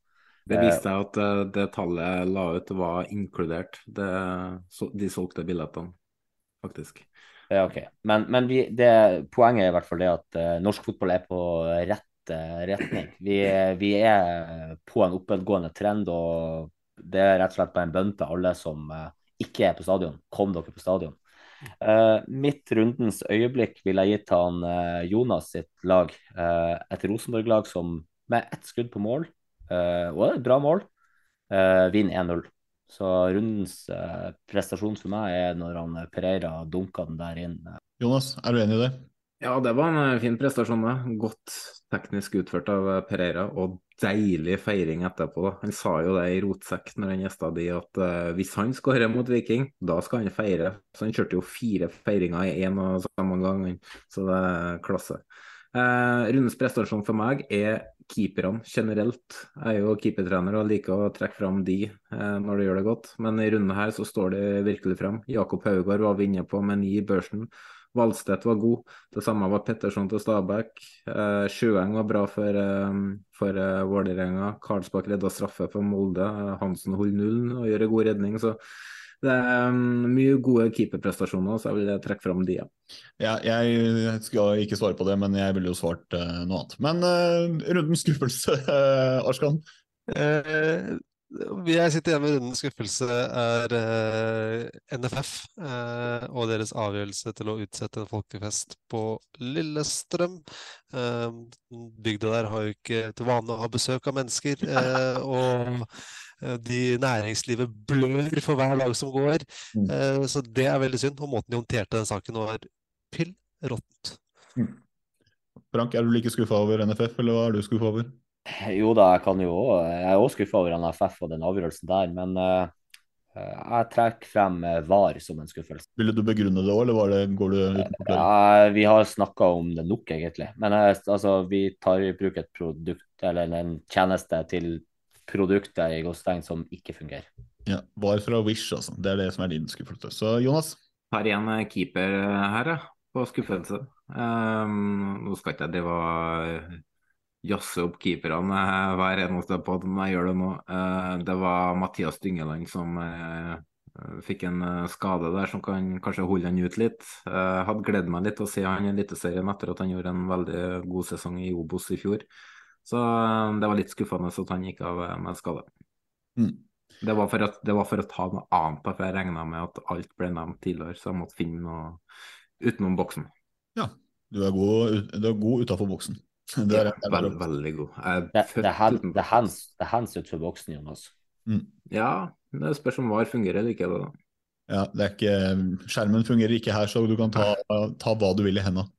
Om du skjønner hva jeg mener. Men uh, vi uh, må se på Jonas, legg den bort! Jonas! Jonas! Nei, Jonas! Så vi eh, avslutter med at vi har eh, prøvd å, basert på det vi har sett, hørt, lest og diskutert, sette opp eh, en slags rundens lag.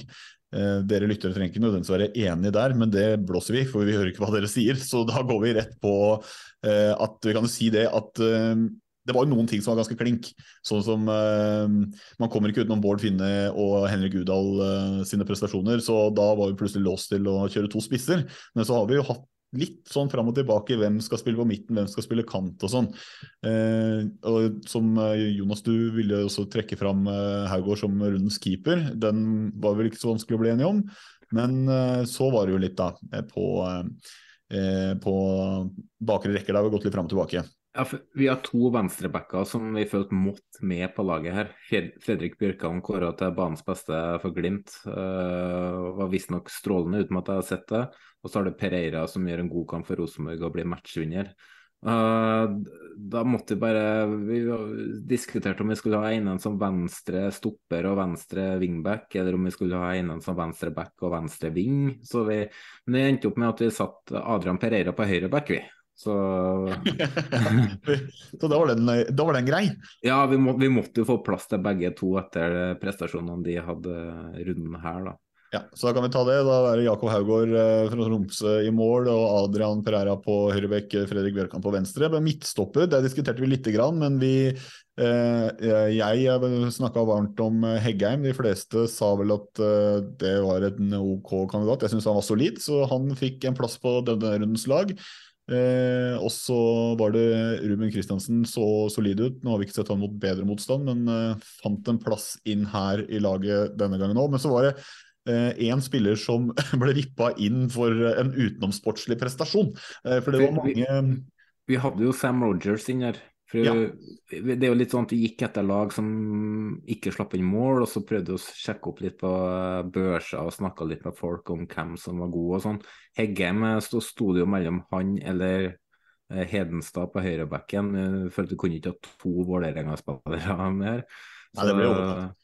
Ja, det ble litt i overkant. Eh, men um, vi måtte jo gå for en litt X-faktor der, og det var så jevnt mellom flere spillere at den pauseintervjuet til Sondre Solom Johansen, det, det vippa han inn på laget. For det er en sånn type du vil ha i garderoben, da, tenker jeg. Ja, ja. Så da blir det, det blir en uh, midtstoppertrioen. Kristiansen, Egheim og Solom Johansen der. Uh, det var vel ikke noe tvil om at den ene indreløperen skulle være Hugo Vettelsen. Der var vi ganske enige alle sammen. Uh, men så var det sånn, skal vi ha med Grøn, Grønbekk? Skal skal, er det Horn Myhre eller Ikke nødvendigvis han, men altså, vi var litt fram og tilbake. Men Jonas, du ville slå et slag for en som var på et tapende lag? Ja, vi, vi var mer innom at vi måtte ha én Glimt-midtbanespiller. da. Så sto det mellom Vettelesen og Grønbekk. Og så tenkte vi kan ikke ha med altfor mange Glimt-spillere når de vinner 2-0, hvis de vinner 6-0 neste kamp, da, som må vi ha med 11. Så, um, så vi gikk for Vettelesen der. For uh, Frank sine rap rapporter med 3,5 i promille sa at han var best. Uh, men uh, jeg så jo Tromsø mot uh, Molde. Molde som nevnt gjorde en kjempekamp, og Magnus Wolff Eikrem var enorm utpå der. Og det er ikke hans skyld at det ikke ble laga flere mål, for han burde vært arkitekten bak flere skåringer. Så jeg slo et slag for han på laget her. Nå høres ikke jeg ut som en Rosenborg-supporter, men uh, man må jo klare å holde seg litt uh, nøytral uh, i sånne saker. Men uh, Olf Eikrem, fin, fin fyr. Um, tung, tungt år bak seg. Og mm. godt, og, godt, og, vondt på en gang å se at han har uh, uh, løfta seg så mye som han gjorde. Da. Er det en Molde-spiller jeg unner gode ting, så er det han. Ja, det var, det, noe, var vel ikke noen store innvendinger fra dere andre på Wolf Eikrem heller, så han fant en plass. Men eh, det var, eh, var like før eh, vi stilte med to på Glimt. Men Jonas fikk snakka oss til bedre vitende. Så helt til slutt da så landa vi på Sivert Hetle Nilsen som anker på midten der. var vel sånn at det var flere som kunne kapra den plassen også. Var, var vel, eh, vi var vel både innom Henriksen, og det hadde vært rart å ikke i hvert fall dra navnet Patrick Berg opp av hatten i en uh, solid Glimt-prestasjon, men uh, det ble Sivert denne gangen her. Og da ble midtbanen da de tre, med de to førstnevnte, Henrik Udal og Bård Finne foran der på topp, da i en god gammeldags 5-3-2 var det vel vi havna på. Stemmer? Ja. ja. Eh, kjapt eh, benken. Eh, Valstedt mente du kunne vært en uh, god keeper uh, inn i laget, men knepent bak Haugård. Egen Hedenstad, Sam Rogers, Markus Henriksen, Grønbæk, Børsting og Mbuka var, fant plass vei til benken. men jeg kan vel si at alle har vel på et eller annet tidspunkt vært innom laget, så å si? Ja, Emuka kommer den egentlig siste liten på uh, benken der, og Valstedt var vel heller aldri inn på laget. Men Rogers var der når vi mangla litt stopperalternativer til å begynne med. Henriksen hadde vi litt inne på midten, for han var etter min mening, uh, sammen med Pereira, uh, banens beste mot Viking. Så han var jo solid på midten, mm. spesielt defensivt. da. Grønbæk skårer jo mål og er så god som Frank spådd. Børsting var altså Den assisten han har, uh, har til Bård Finne der, det, det er så lekkert. Uh, men gjorde ellers en god kamp. Også. Ja, det er vanskelig da å plukke ut, uh, plukke ut uh, rundslag når ikke vi har VG-børsen å forholde oss til i tillegg. Da. ja. Og det skal vi få se om vi får lagt ut, så skal vi se om folk er enige med oss eller ikke. Vi påberoper oss uh, ikke fasit, men det er jo fasit. Så uh, fortell oss gjerne hvorfor vi tar feil, så tar vi diskusjonen videre på SoMe. Men det var rundens delen av podden i dag. Så da må vi høre litt music.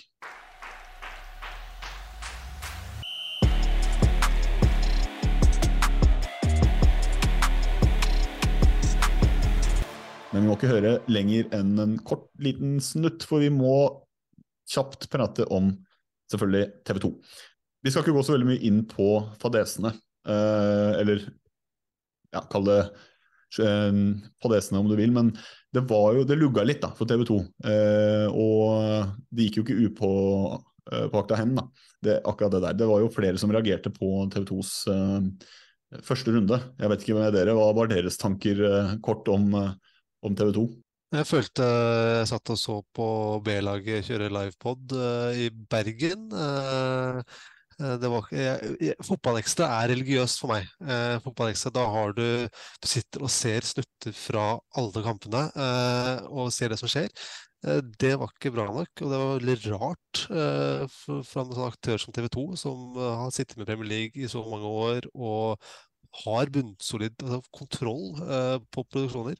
Så det syns jeg var eh, det, det jeg tar for meg. Kort og godt. Det var skuffende. Nei, nå har jo ikke jeg fått eh, sett så veldig mye av selve runden av det. Men jeg beit meg merke i det også, for jeg så fotballkveld dagen etterpå når jeg var kommet hjem. Og det var, det var, liksom ikke Altså, jeg føler at man har hatt Discovery hadde sin måte å gjøre det på, TV 2 hadde sin måte å gjøre det på før det. men det var liksom så lite gjenkjennbart, og følte at det var fokus på så mye annet enn hva det trengte å være. Mm. Uh, så, men uh, ja, det var, det var inntrykket jeg satt med da. Så uh, er vi jo nå blitt lova endring. og der skal vi jo heller, i stedet for at vi skal sable dem for mye, så tenker jeg heller vi skal hylle dem for den mottakeligheten de har til tilbakemeldinger, og det ønsket de har på å forbedre seg, rett og slett. Ja, Det tenkte jeg også på, men Jonas, du har kanskje noe du vil fylle på? Nei, Jeg er enig med, enig med, Frank at det er veldig godt at de går ut og tar sjølkritikk og vilje til å endre seg. Jeg har hørt litt på spiss vinkel i dag med Arilas. Um, um, han sier jo der at de tar til seg kritikken og skal endre seg og bla, bla, bla. Men han mente at uh, de vil ikke vise så mye bilder da, i Fotballekstra etterpå. Fordi at det får vi jo digitalt, så det, det, er så lett tilgang for oss å gå inn og se på målene etterpå på mobilen og sånn. Det er noe forbanna piss. Fordi når sjukampen er ferdig, så vil jeg sette meg i sofaen, ene handa ned i popkornet, andre ned i buksa, og se målene. Jeg vil se eh, høydepunkter fra sjansene, jeg vil se reaksjoner fra spillere, trenere, og så kan jeg få et minutt med en god analyse etterpå. Det vil jeg si i Fotballekstra. Og så kan jeg krydre det med noen innslag fra noen breddefotball og sånn. Men eh, akkurat nå, det viste i første episode, var vel egentlig prøve å løfte seg sjøl, virker det som. Og det bommer de jo momentant på. det. Og en siste ting, ja, den reklametrøkket de kjører. Jeg vet de skal finansiere eh, at de har kjøpt rettighetene, eh, men å kjøre reklame midt under mål, så 2-0-gålen til eh, Udal Ingen spilleforståelse. Gi folket Udal. Kom igjen, du får ha livestream på Henrik Udal. Herre? Sett en GoPro på panna hans, og så blir du happy. Du kunne i hvert fall kjørt det samme som Eurosport, da, at uh, de som ser på TV2, så der kan jeg forstår jeg godt at de kan kjøre inn reklame, for det, det gjør at det, eh, det, blir billigere for oss òg. Mm. Men uh, på TV2 Play der kan de faktisk kjøre reklamefritt. Ja, jeg vil bare skyte inn det at uh, jeg trodde fotballrunden skulle være lenger. for jeg skulle se det på TV2 Play, så sto det at den var 95 minutter lang. Og når jeg kom til 57 minutter, så var sendinga over. Så jeg satt jo så uh, spolte over litt reklame. Jeg tenkte at nå kommer liksom det du betaler ekstra for på abonnementet. Men så begynte det bare opptak av uh, Ålesund-Vålerenga. Så ja, ja, jeg var alltid alt kjempefornøyd, for da begynte jeg å se på den kampen igjen. Så da var det liksom Ja ja, det er sånn, sånn, er det. Men det, det illustrerte litt at det var de hasta litt igjennom da når eh, fotballrunden var over på 57 minutter. da, første serierunde. Men jeg er helt enig med Frank. Vi skal ikke, vi, nå ble det litt vel mye negativt. Jeg syns vi skal avslutte på en positiv note her og si at det, eh, det er eh, det virker som at de har lytta på tilbakemeldinger, og de mm. gjør noen endringer. Så skal vi ikke sable de helt ned, fordi det er 29 runder igjen. Det er lenge siden de, de hadde uh, Eliteserien, og de har sikkert testa ut noen nye konsepter og lekt litt med det, så nå får vi se. De skulle ha gjort som oss. Ikke lagt ut episoden og spilt inn ny. Yes, det er det vi skal gjøre. Så pionerer på, på, i mediebransjen. Er det dårlig, skrap greia, og så spille inn en Eller alltid spille inn to, og så hører du gjennom hva du syns er best. da. Ja. Skal, kan du gjøre som Terje Hauge og si at gi oss ti runder, så får vi se. Eh, og det blir bedre etter hvert. ja, nei, men uh, vi satser på at det blir bedre. Jeg har trua på TV2, jeg, så vi skal ikke, uh, vi skal ikke Jeg sier ikke opp TV2 Play-abonnementet mitt riktig så enda. Men uh, Jonas, du eh, For det var én ting, jeg skal ta det fra TV 2. De fikk også litt kritikk for at jeg tror de brukte 50 sekunder eller noe sånt totalt på Obos. Og det tok du i egne hender. Ja, så jeg brukte 10 minutter og 50 sekunder på Obos eh, tidligere i dag. Jeg hadde en fin prat med to veldig kjekke, staute mannfolk som har laga en ny podkast som heter for drible vekk. Så um, la oss uh, høre litt på det intervjuet der. Obos-ligaen har fått sin egen podkast som heter for Drible vekk. Den kom ut med en teaser 10.3, og første og andre episode med tabelltips kom 3. og 5. april. Mandag slapp de sin tredje episode, hvor de sammen med Per Joar Hansen oppsummerte seriestarten. Nå har vi fått et lite besøk av Erik Elias Arnøy og Dag Alexander Gamst i vårt digitale hjem. Eh, velkommen skal dere være. For det. Takk, takk. Hvor deilig er det å være i gang med Eliteserien og Obos-ligaen, Dag? Ja, det er fantastisk deilig. Det har vi venta lenge på. Eh, og det er enda bedre å tenke på at det er 29 runder igjen, så det blir bare bedre og bedre der her. Og du da, Erik. Du, jo, du er jo egentlig mest kjent for å stå utenfor eh, Lerkendal på kampdag. Hvordan er det å nå hva skal jeg si, jobbe med Obos-ligaen?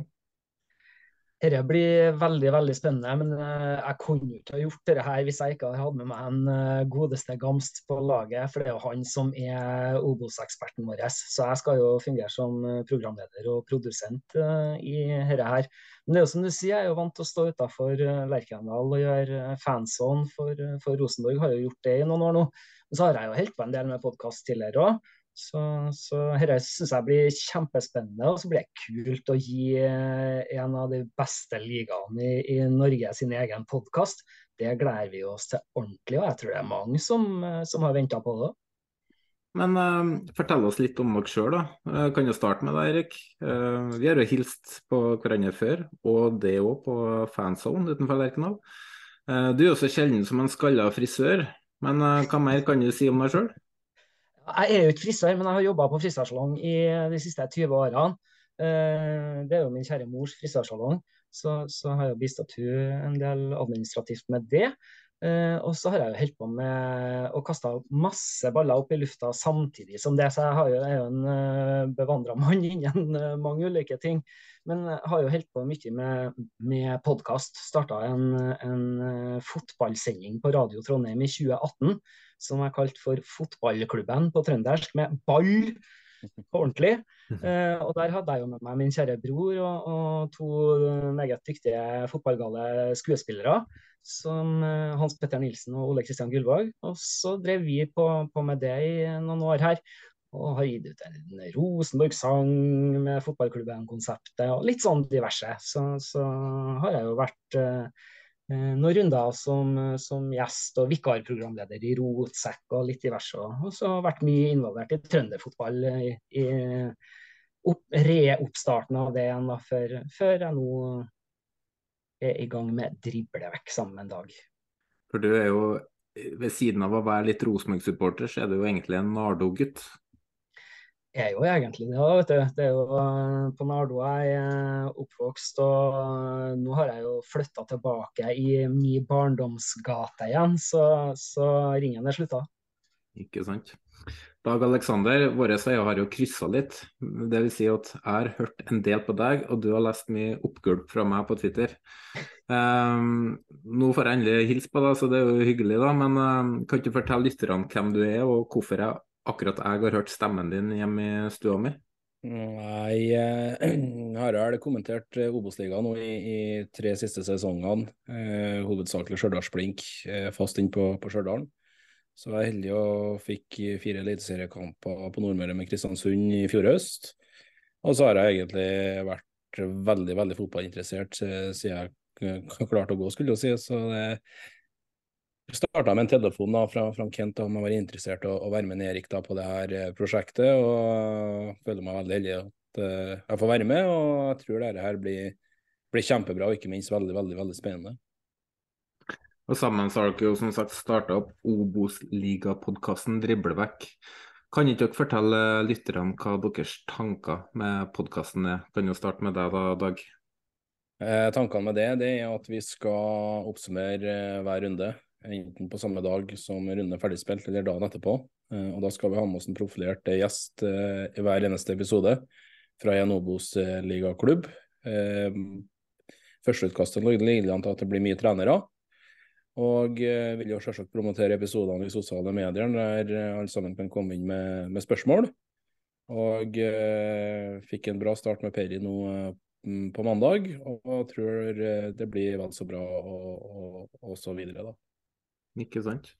Og dere har jo i to episoder nå, eller første og andre episoden, tippa tabellen der dere hadde nedre halvdel i første og øvre halvdel i andre.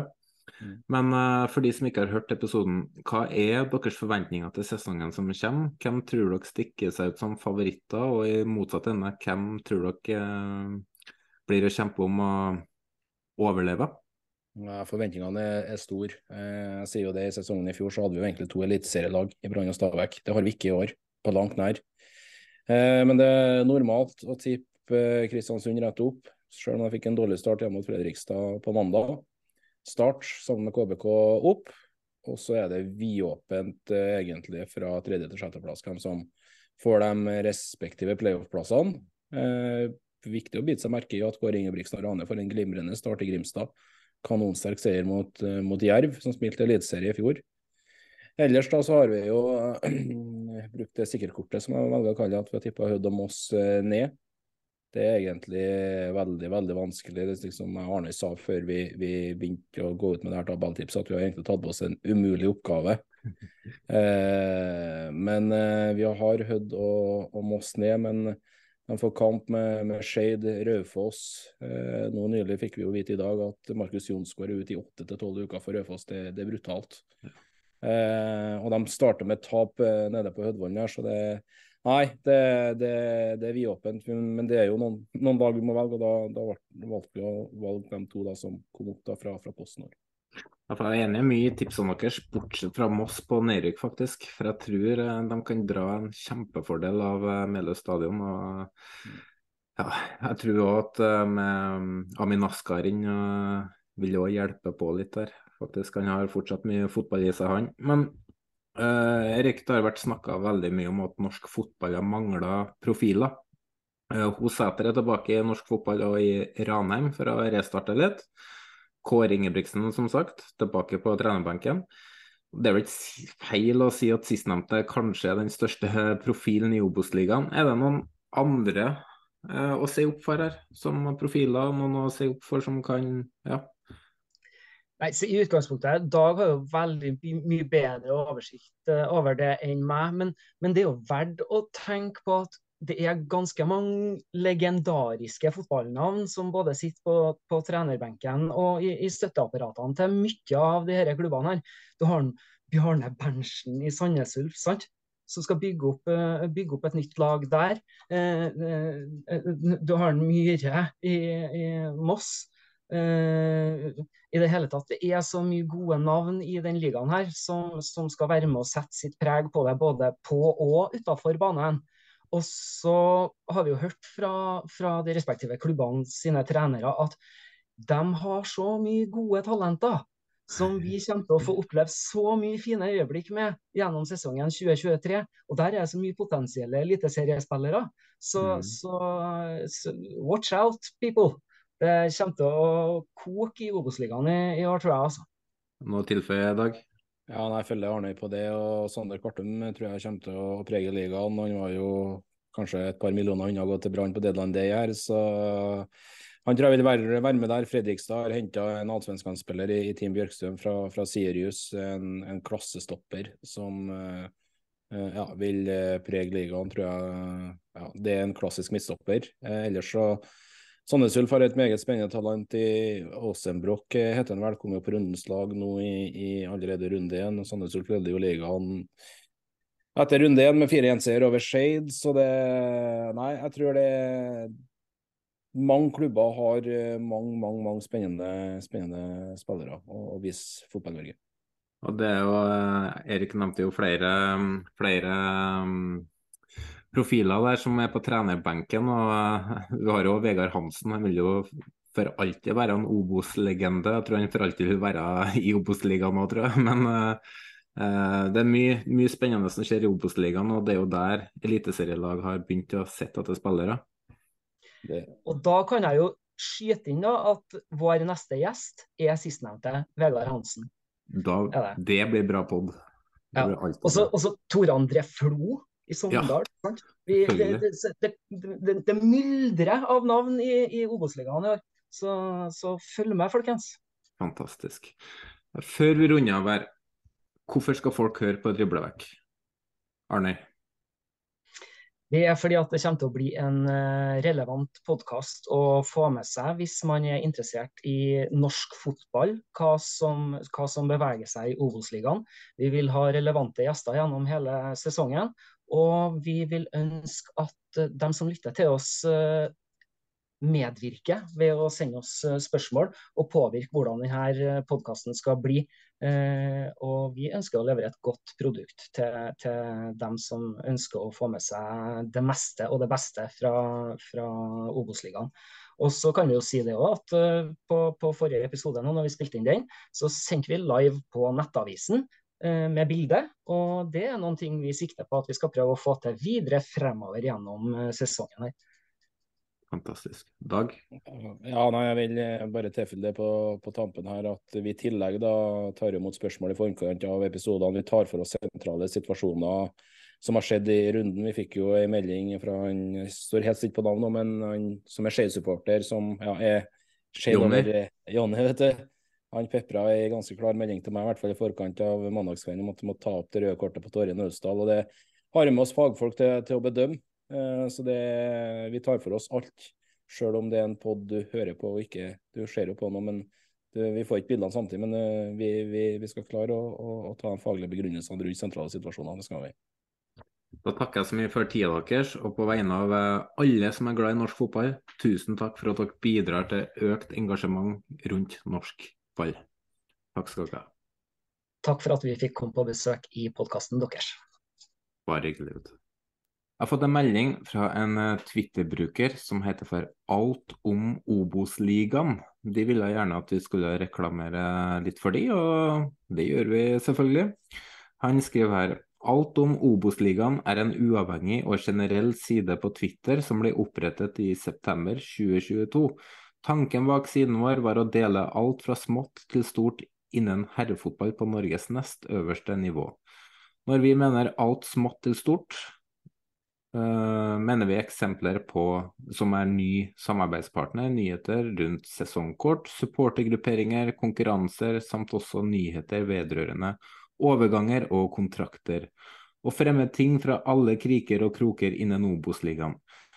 Følte, følte vi at uh, var noe som trengtes, og var hovedgrunnen til hvorfor siden ble opprettet. Vi ønsker alle supportere, klubber, frivillige, aviser, podkaster, supportergrupperinger og alle andre masse lykke til i sesongen. Dette blir gøy. Vi gleder oss. Og det er fra Ruben André Norvik. Så um, følg den kontoen på Twitter, og hold dere oppdatert på Obos-ligaen, i tillegg til at dere gir Triblevekk en ja, lytt på, um, på der dere hører podkaster. Ja, så, og så gjør dere også en tjeneste med at vi kan gjøre kjøreplanene litt kortere og overlate den til de som faktisk uh, kan det best. Så takk for det. Men uh, det var, det var Obos, og vi er, begynner å nærme oss slutten på episoden. Og vi begynner også å nærme oss en ny runde, runde to i Eliteserien. Så vi må rett og slett se på har vi noen forventninger. Og da tenkte jeg skulle først høre med deg, Frank. Har du noen forventninger til neste runde? Ah, det er jo noen godbiter som kommer allerede neste runde. Eh, lørdag så har du jo Viking Lillestrøm. Eh, nå fikk vi jo ikke se Lillestrøm denne runden, men eh, det kan jeg se for meg blir en rysere enn kamp. Eh, I tillegg så har du jo ja, det er jo en storkamp eh, Molde-Rosenborg. Og hva skjer hvis Rosenborg slår Molde? Rosenborg på, med seks poeng på to runder og Molde med null. Eh, det, det kan, kan, bli artig. Artig tanke, i hvert fall. Ellers så naturligvis så gleder jeg meg til eh, første hjemmekamp for Glimt. Og ja, ellers så bare å få med seg alle kampene, egentlig. Det er bare herlig å ha norsk fotball tilbake, rett og slett. Arskan? Eh, sammen er deilig å ha norsk fotball eh, tilbake igjen. Jeg ser på Twitter at uh, flere melder om mange solgte billetter. Nærmer seg utsolgt i Stavanger. Uh, og Brann har allerede solgt uh, 8000 til kampen Vålerenga runden etter. Det, altså, det, koker i norsk fotball. Det er deilig. Rosenborg skal kjøre 20 mil for å spille derby mot Molde. der tror jeg har jeg på si, tror jeg det kommer til å bli en misfornøyde trøndere. For jeg tror Molde kommer til å kjøre over Rosenborg. Jeg tror det kan, kan fort bli 3-4-0. Uh, for uh, sesongen sin del så hadde det vel, vel vært best med en liten uavgjort her.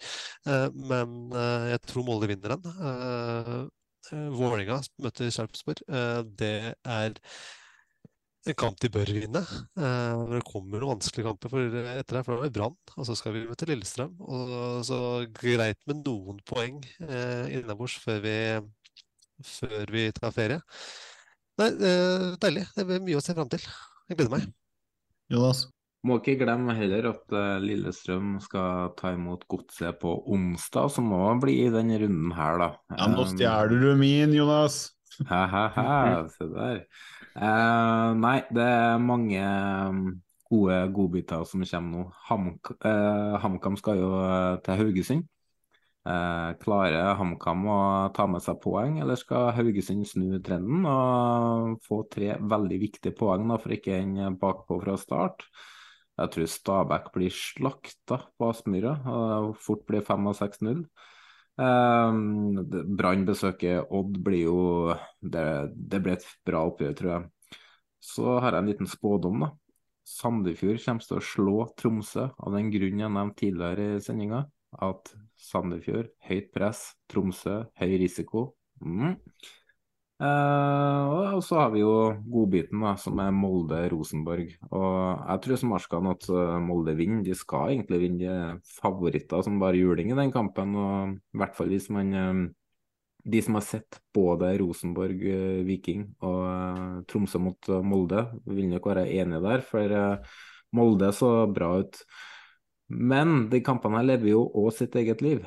Eh, og så har fortsatt Rosenborg en taktiker av rang på sidelinja som kommer til å legge opp spillet etter motstander i den kampen her. Og jeg tror Rosenborg kommer til å la Molde ha ballen, ligge bakpå, stenge rom og gå all in for kontringer. Så får vi se da om de lykkes på kontringene, for det har ikke vært like vass på i vinter. Ja, jeg eh, tenker eh, at dere oppsummerer eh, egentlig alt som skjer neste runde, omtrent. Så jeg går rett på Vet vi hva som skjer i Drammen, enten fredagskveld eller lørdagsmorgen, før de skal utsette en ny kamp? Uh, det kan ikke utsette en kamp til, det går ikke. Nå har de, beram, nå er det allerede beramma godset på den onsdagen der. Skal de utsette den òg? De, de, er jo tilbake på treningen dagen etter. Tenk om de hadde gjort det! de hadde, at Lillestrøm hadde klart å lokke inn 10 000 på Åråsen, og så ja, dagen før så kommer beskjeden at Nei, sorry, ass, det, det går noe sånn derre norovirus her nå. Så, ja, men det er ikke covid, så. Nei. Så Nei, men eh, jeg må jo si det at jeg, jeg gleder meg litt Eh, ekstra til uh, bare temperaturen som vi kanskje kan få rundt uh, Lillestrøm-godset, uh, som følger litt på etter, etter søndagen. Men for min egen del så gleder jeg meg til å sette meg på fly og fly ned til Oslo på søndag morgen og rett og slett være med på en oppbygning inn mot første hjemmekamp for Vålerenga sin del. Det jeg gleder meg til. Det tipper det kommer en god del inn portene, og det er spådd strålende vær, så vidt jeg har sist sjekka. Så det, det, mine forventninger er knytta til supporteropplevelsen igjen, og få være en del av det. og Legger ikke så veldig mye på kampen i øyeblikket, men eh, temperatur, supporteropplevelse, kok, det er mine forventninger til neste runde. Vi må også kjøre en slags eh, spådom. Eh, er det noen vi må se opp for noen spillere vi skal se opp for i neste runde, som vi kan si vi sa det først? Ja, jeg har uh, Sorry Diarra for Haugesund. Jeg tror, um, jeg tror Haugesund eh, slår Kamma, og det jeg har sett av uh, Sorry Diarra i preseason og, og litt sånn småtendenser mot Brann, viser en spiller som har fysikken i orden, kan gjøre ting på egen hånd. Jeg tror han kan uh, ha det moro mot Haugesund. Mm. Frank? Uh, Al Saed i Sandefjord, litt som han Jonas var inne på. Uh, Sandefjord skal slå Tromsø uh, på hjemmebane. Jeg tror at nå får vi se de magiske føttene hans herje. Påpeke at det nok en gang er gressmatte som kommunen har tatt ansvaret for, så der er jeg veldig spent på baneforholdene. Hva tenker du, skal man, skal man se opp for? Uh, Oddsbombe her uh, Børven, ja. uh, jeg, jeg, jeg, skal også til Sandefjord, tenkte jeg. Uh, Ruud Tveter kommer nok til å ha to eller tre mål i, på, i løpet av helgen, tenker jeg. Gud Tveter, som han kalles der borte.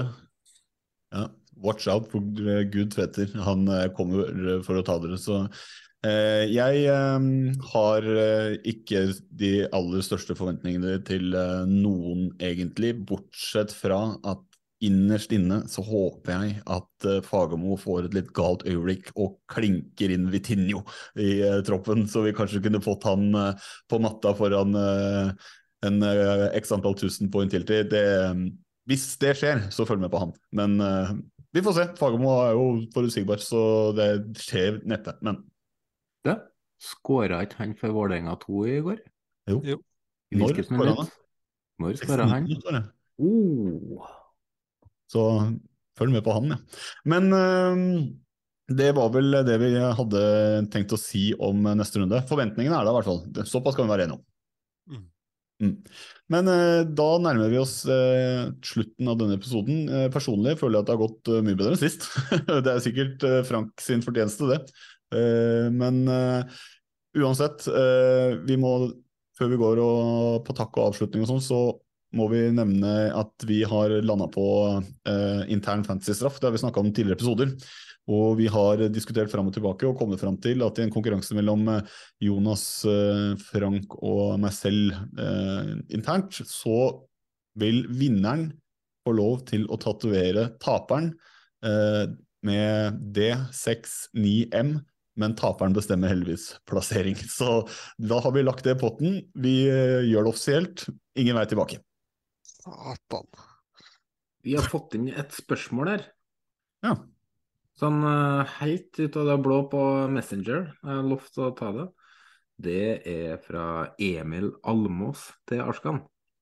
Hvor mye elsker han sodd på en skala fra Tommy Høiland til Odd Iversen?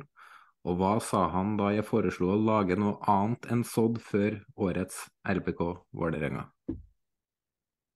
Åh, det er et jækla godt Jeg syns faktisk sådd var veldig godt, uh, må jeg innrømme. Jeg syns uh, jeg er litt så ja, Ikke sant? Her kommer integrert er litt svak for uh, norsk husmannskost. Uh, Kjøttkakebrunsaus, elsker det. Uh, sodd også var godt, det var det. Men på skala fra Tommy Jeg kan si Børven i Odd, kan vi si. Ja, En sekser, da? Et sted midt imellom der. Åssen hadde det vært å bytte ut de kjøttbollene i sodden med kebabkjøtt?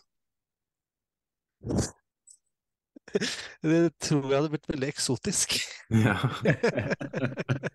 det, det hadde solgt bra i Tyrkia, altså. Definitivt.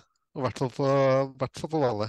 Kebabsodd, ja. ja. Der har du kebabsodd. Så altså, Trondheim har ikke noe å tape for god kebab. Får du ikke her, så kan du like gjerne prøve på kebabsodd. Så... Apropos kebab, så var det det som eh, lå i flydasset på vei oppover igjen. Ja. du kjøpte den dårligste kebaben i byen òg? Ja, det er godt mulig, men den leser nærmest søstera mi der hun bor i. Så Nei, men da har vi, har vi lansert nytt uh, konsept der, altså. Vi må også ta Kebabsodd er konseptet. Ja, kebabsodd, ja. Nemlig, nemlig. Eh, og fra kebabsodd, eh, noe norsk om kebabsodd over til noe annet norsk, eh, påsken. Vi må også avslutte med at eh, påskekrimjim og påskegåten i rekkefølge, den er eh, avsluttet for eh, innsending. Vi har rett og slett i kaoset som oppsto ved å lage ny pod, ikke klart å stokke oss om til å trekke vinnere for flere med rett svar, og det rette svaret på rekkefølgen var da selvfølgelig lengst eh, sammenhengende fartstid i Eliteserien. Altså fra lavest til høyest eh, sammenhengende fartstid i Eliteserien. Og morderen, eh, altså Knutsen, ble altså drept av ingen ringere enn Martin Bjørnbakk. Så det var svaret på det. Så de ikke sende inn flere svar nå. Men vi skal få trukket vinnere og ordna premier. Så vi avslutter eh, konkurransen der, og avslutter også sendingen i dag med å takke selvfølgelig alle våre lyttere, alle de som har sendt inn spørsmål og innspill, selvfølgelig. Vi vil også takke eh, Vestfold Lydstudio for eh, åpningsmusikk og jingler. Vi vil takke Jesper Horten Kjernes for avslutning, outro og jingle. Eh, Ive Steinsvik og Intun Bodø for utstyr som vanlig. Jan Erik Balto vår eh, eminente designer for eh, ja, alt mulig grafisk som Jonas Vannes ville gjort på Snapchat. Eh, og, selvfølgelig, tusen takk Arska for at du har stilt opp eh, som gjest to ganger denne uka. Det ble bare én episode ut, eh, ut, der, men denne, denne, kommer ut, eller? Så det, det har bare kanskje vært det. Tusen takk for at du kom med. Ja. Det var en sann glede å få lov til å høre på noe annet enn nordlending og trønderdialekt for en gangs skyld, så takk for det. Ja, Halvparten av episodene har vært bergensere. Ja, det er sant. Men det er, det er, du sier det som det er bedre. så det, det er sånn. Nei da, det er eh, definitivt verre. Mm. Men uh, igjen, uh, takk for alle som uh, hører på. Vi er tilbake neste uke, så i mellomtiden ta vare på dere selv og nyt koket i Fotball-Norge. Vi snakkes! Ha det! Ha det, ha det bra.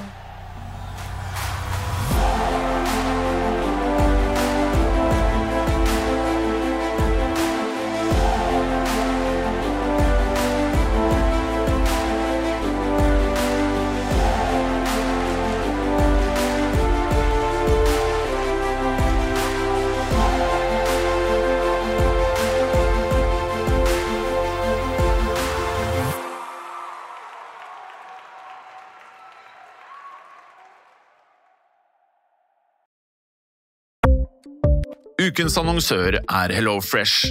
HelloFresh er verdens ledende matkasseleverandør og kan være redningen i en travel hverdag.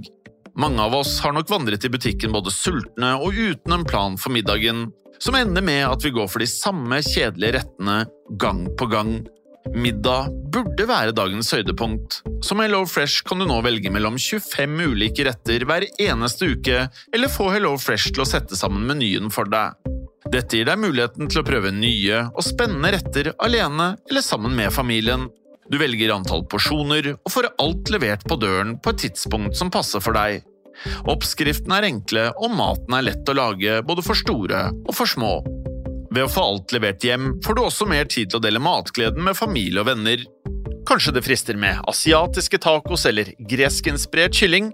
Da kan jeg anbefale deg om å gå inn på hellofresh.no. Her kan du bruke koden FOTBALL og få opptil 1779 kroner i rabatt på de første fem matkastene hvis du ikke har prøvd Hello Fresh tidligere. Du kan også bruke rabatten hvis du har vært kunde og stoppet abonnementet ditt for tolv måneder siden eller lengre. Gå inn på hellofresh.no og bruk koden FOTBALL. Ukens annonsør er Folio, en smartere banktjeneste for deg som har en egen bedrift eller ønsker å starte for deg selv. Folio er en superenkel nettbank for bedrifter. Som kunde i Folio får du en bedriftskonto med et bedriftskort og app. I denne appen er det smarte løsninger som forenkler regnskapet ditt, uansett om du har en liten bedrift eller et enkeltpersonsforetak. Folio er både intuitivt og brukervennlig, og er laget med et enkelt språk. I tillegg tilbyr de forutsigbare priser og ingen skjulte gebyrer. Skulle du likevel trenge det, så kan du snakke med deres raske og hyggelige kundeservice, og der får du prate med en faktisk person og ikke en chatbot. Folio er med andre ord både enklere og koseligere enn banken. Over 10 000 bedrifter har allerede valgt Folio som sin banktjeneste, så besøk folio.no og se hvordan Folio kan forenkle din hverdag også. Har du et enkeltpersonforetak eller en liten bedrift? Da er du sikkert lei av å høre meg snakke om hvor enkelt det er med kvitteringer og bilag i fiken, så vi eh, gir oss her, vi. Fordi vi liker enkelt. Fiken superenkelt regnskap.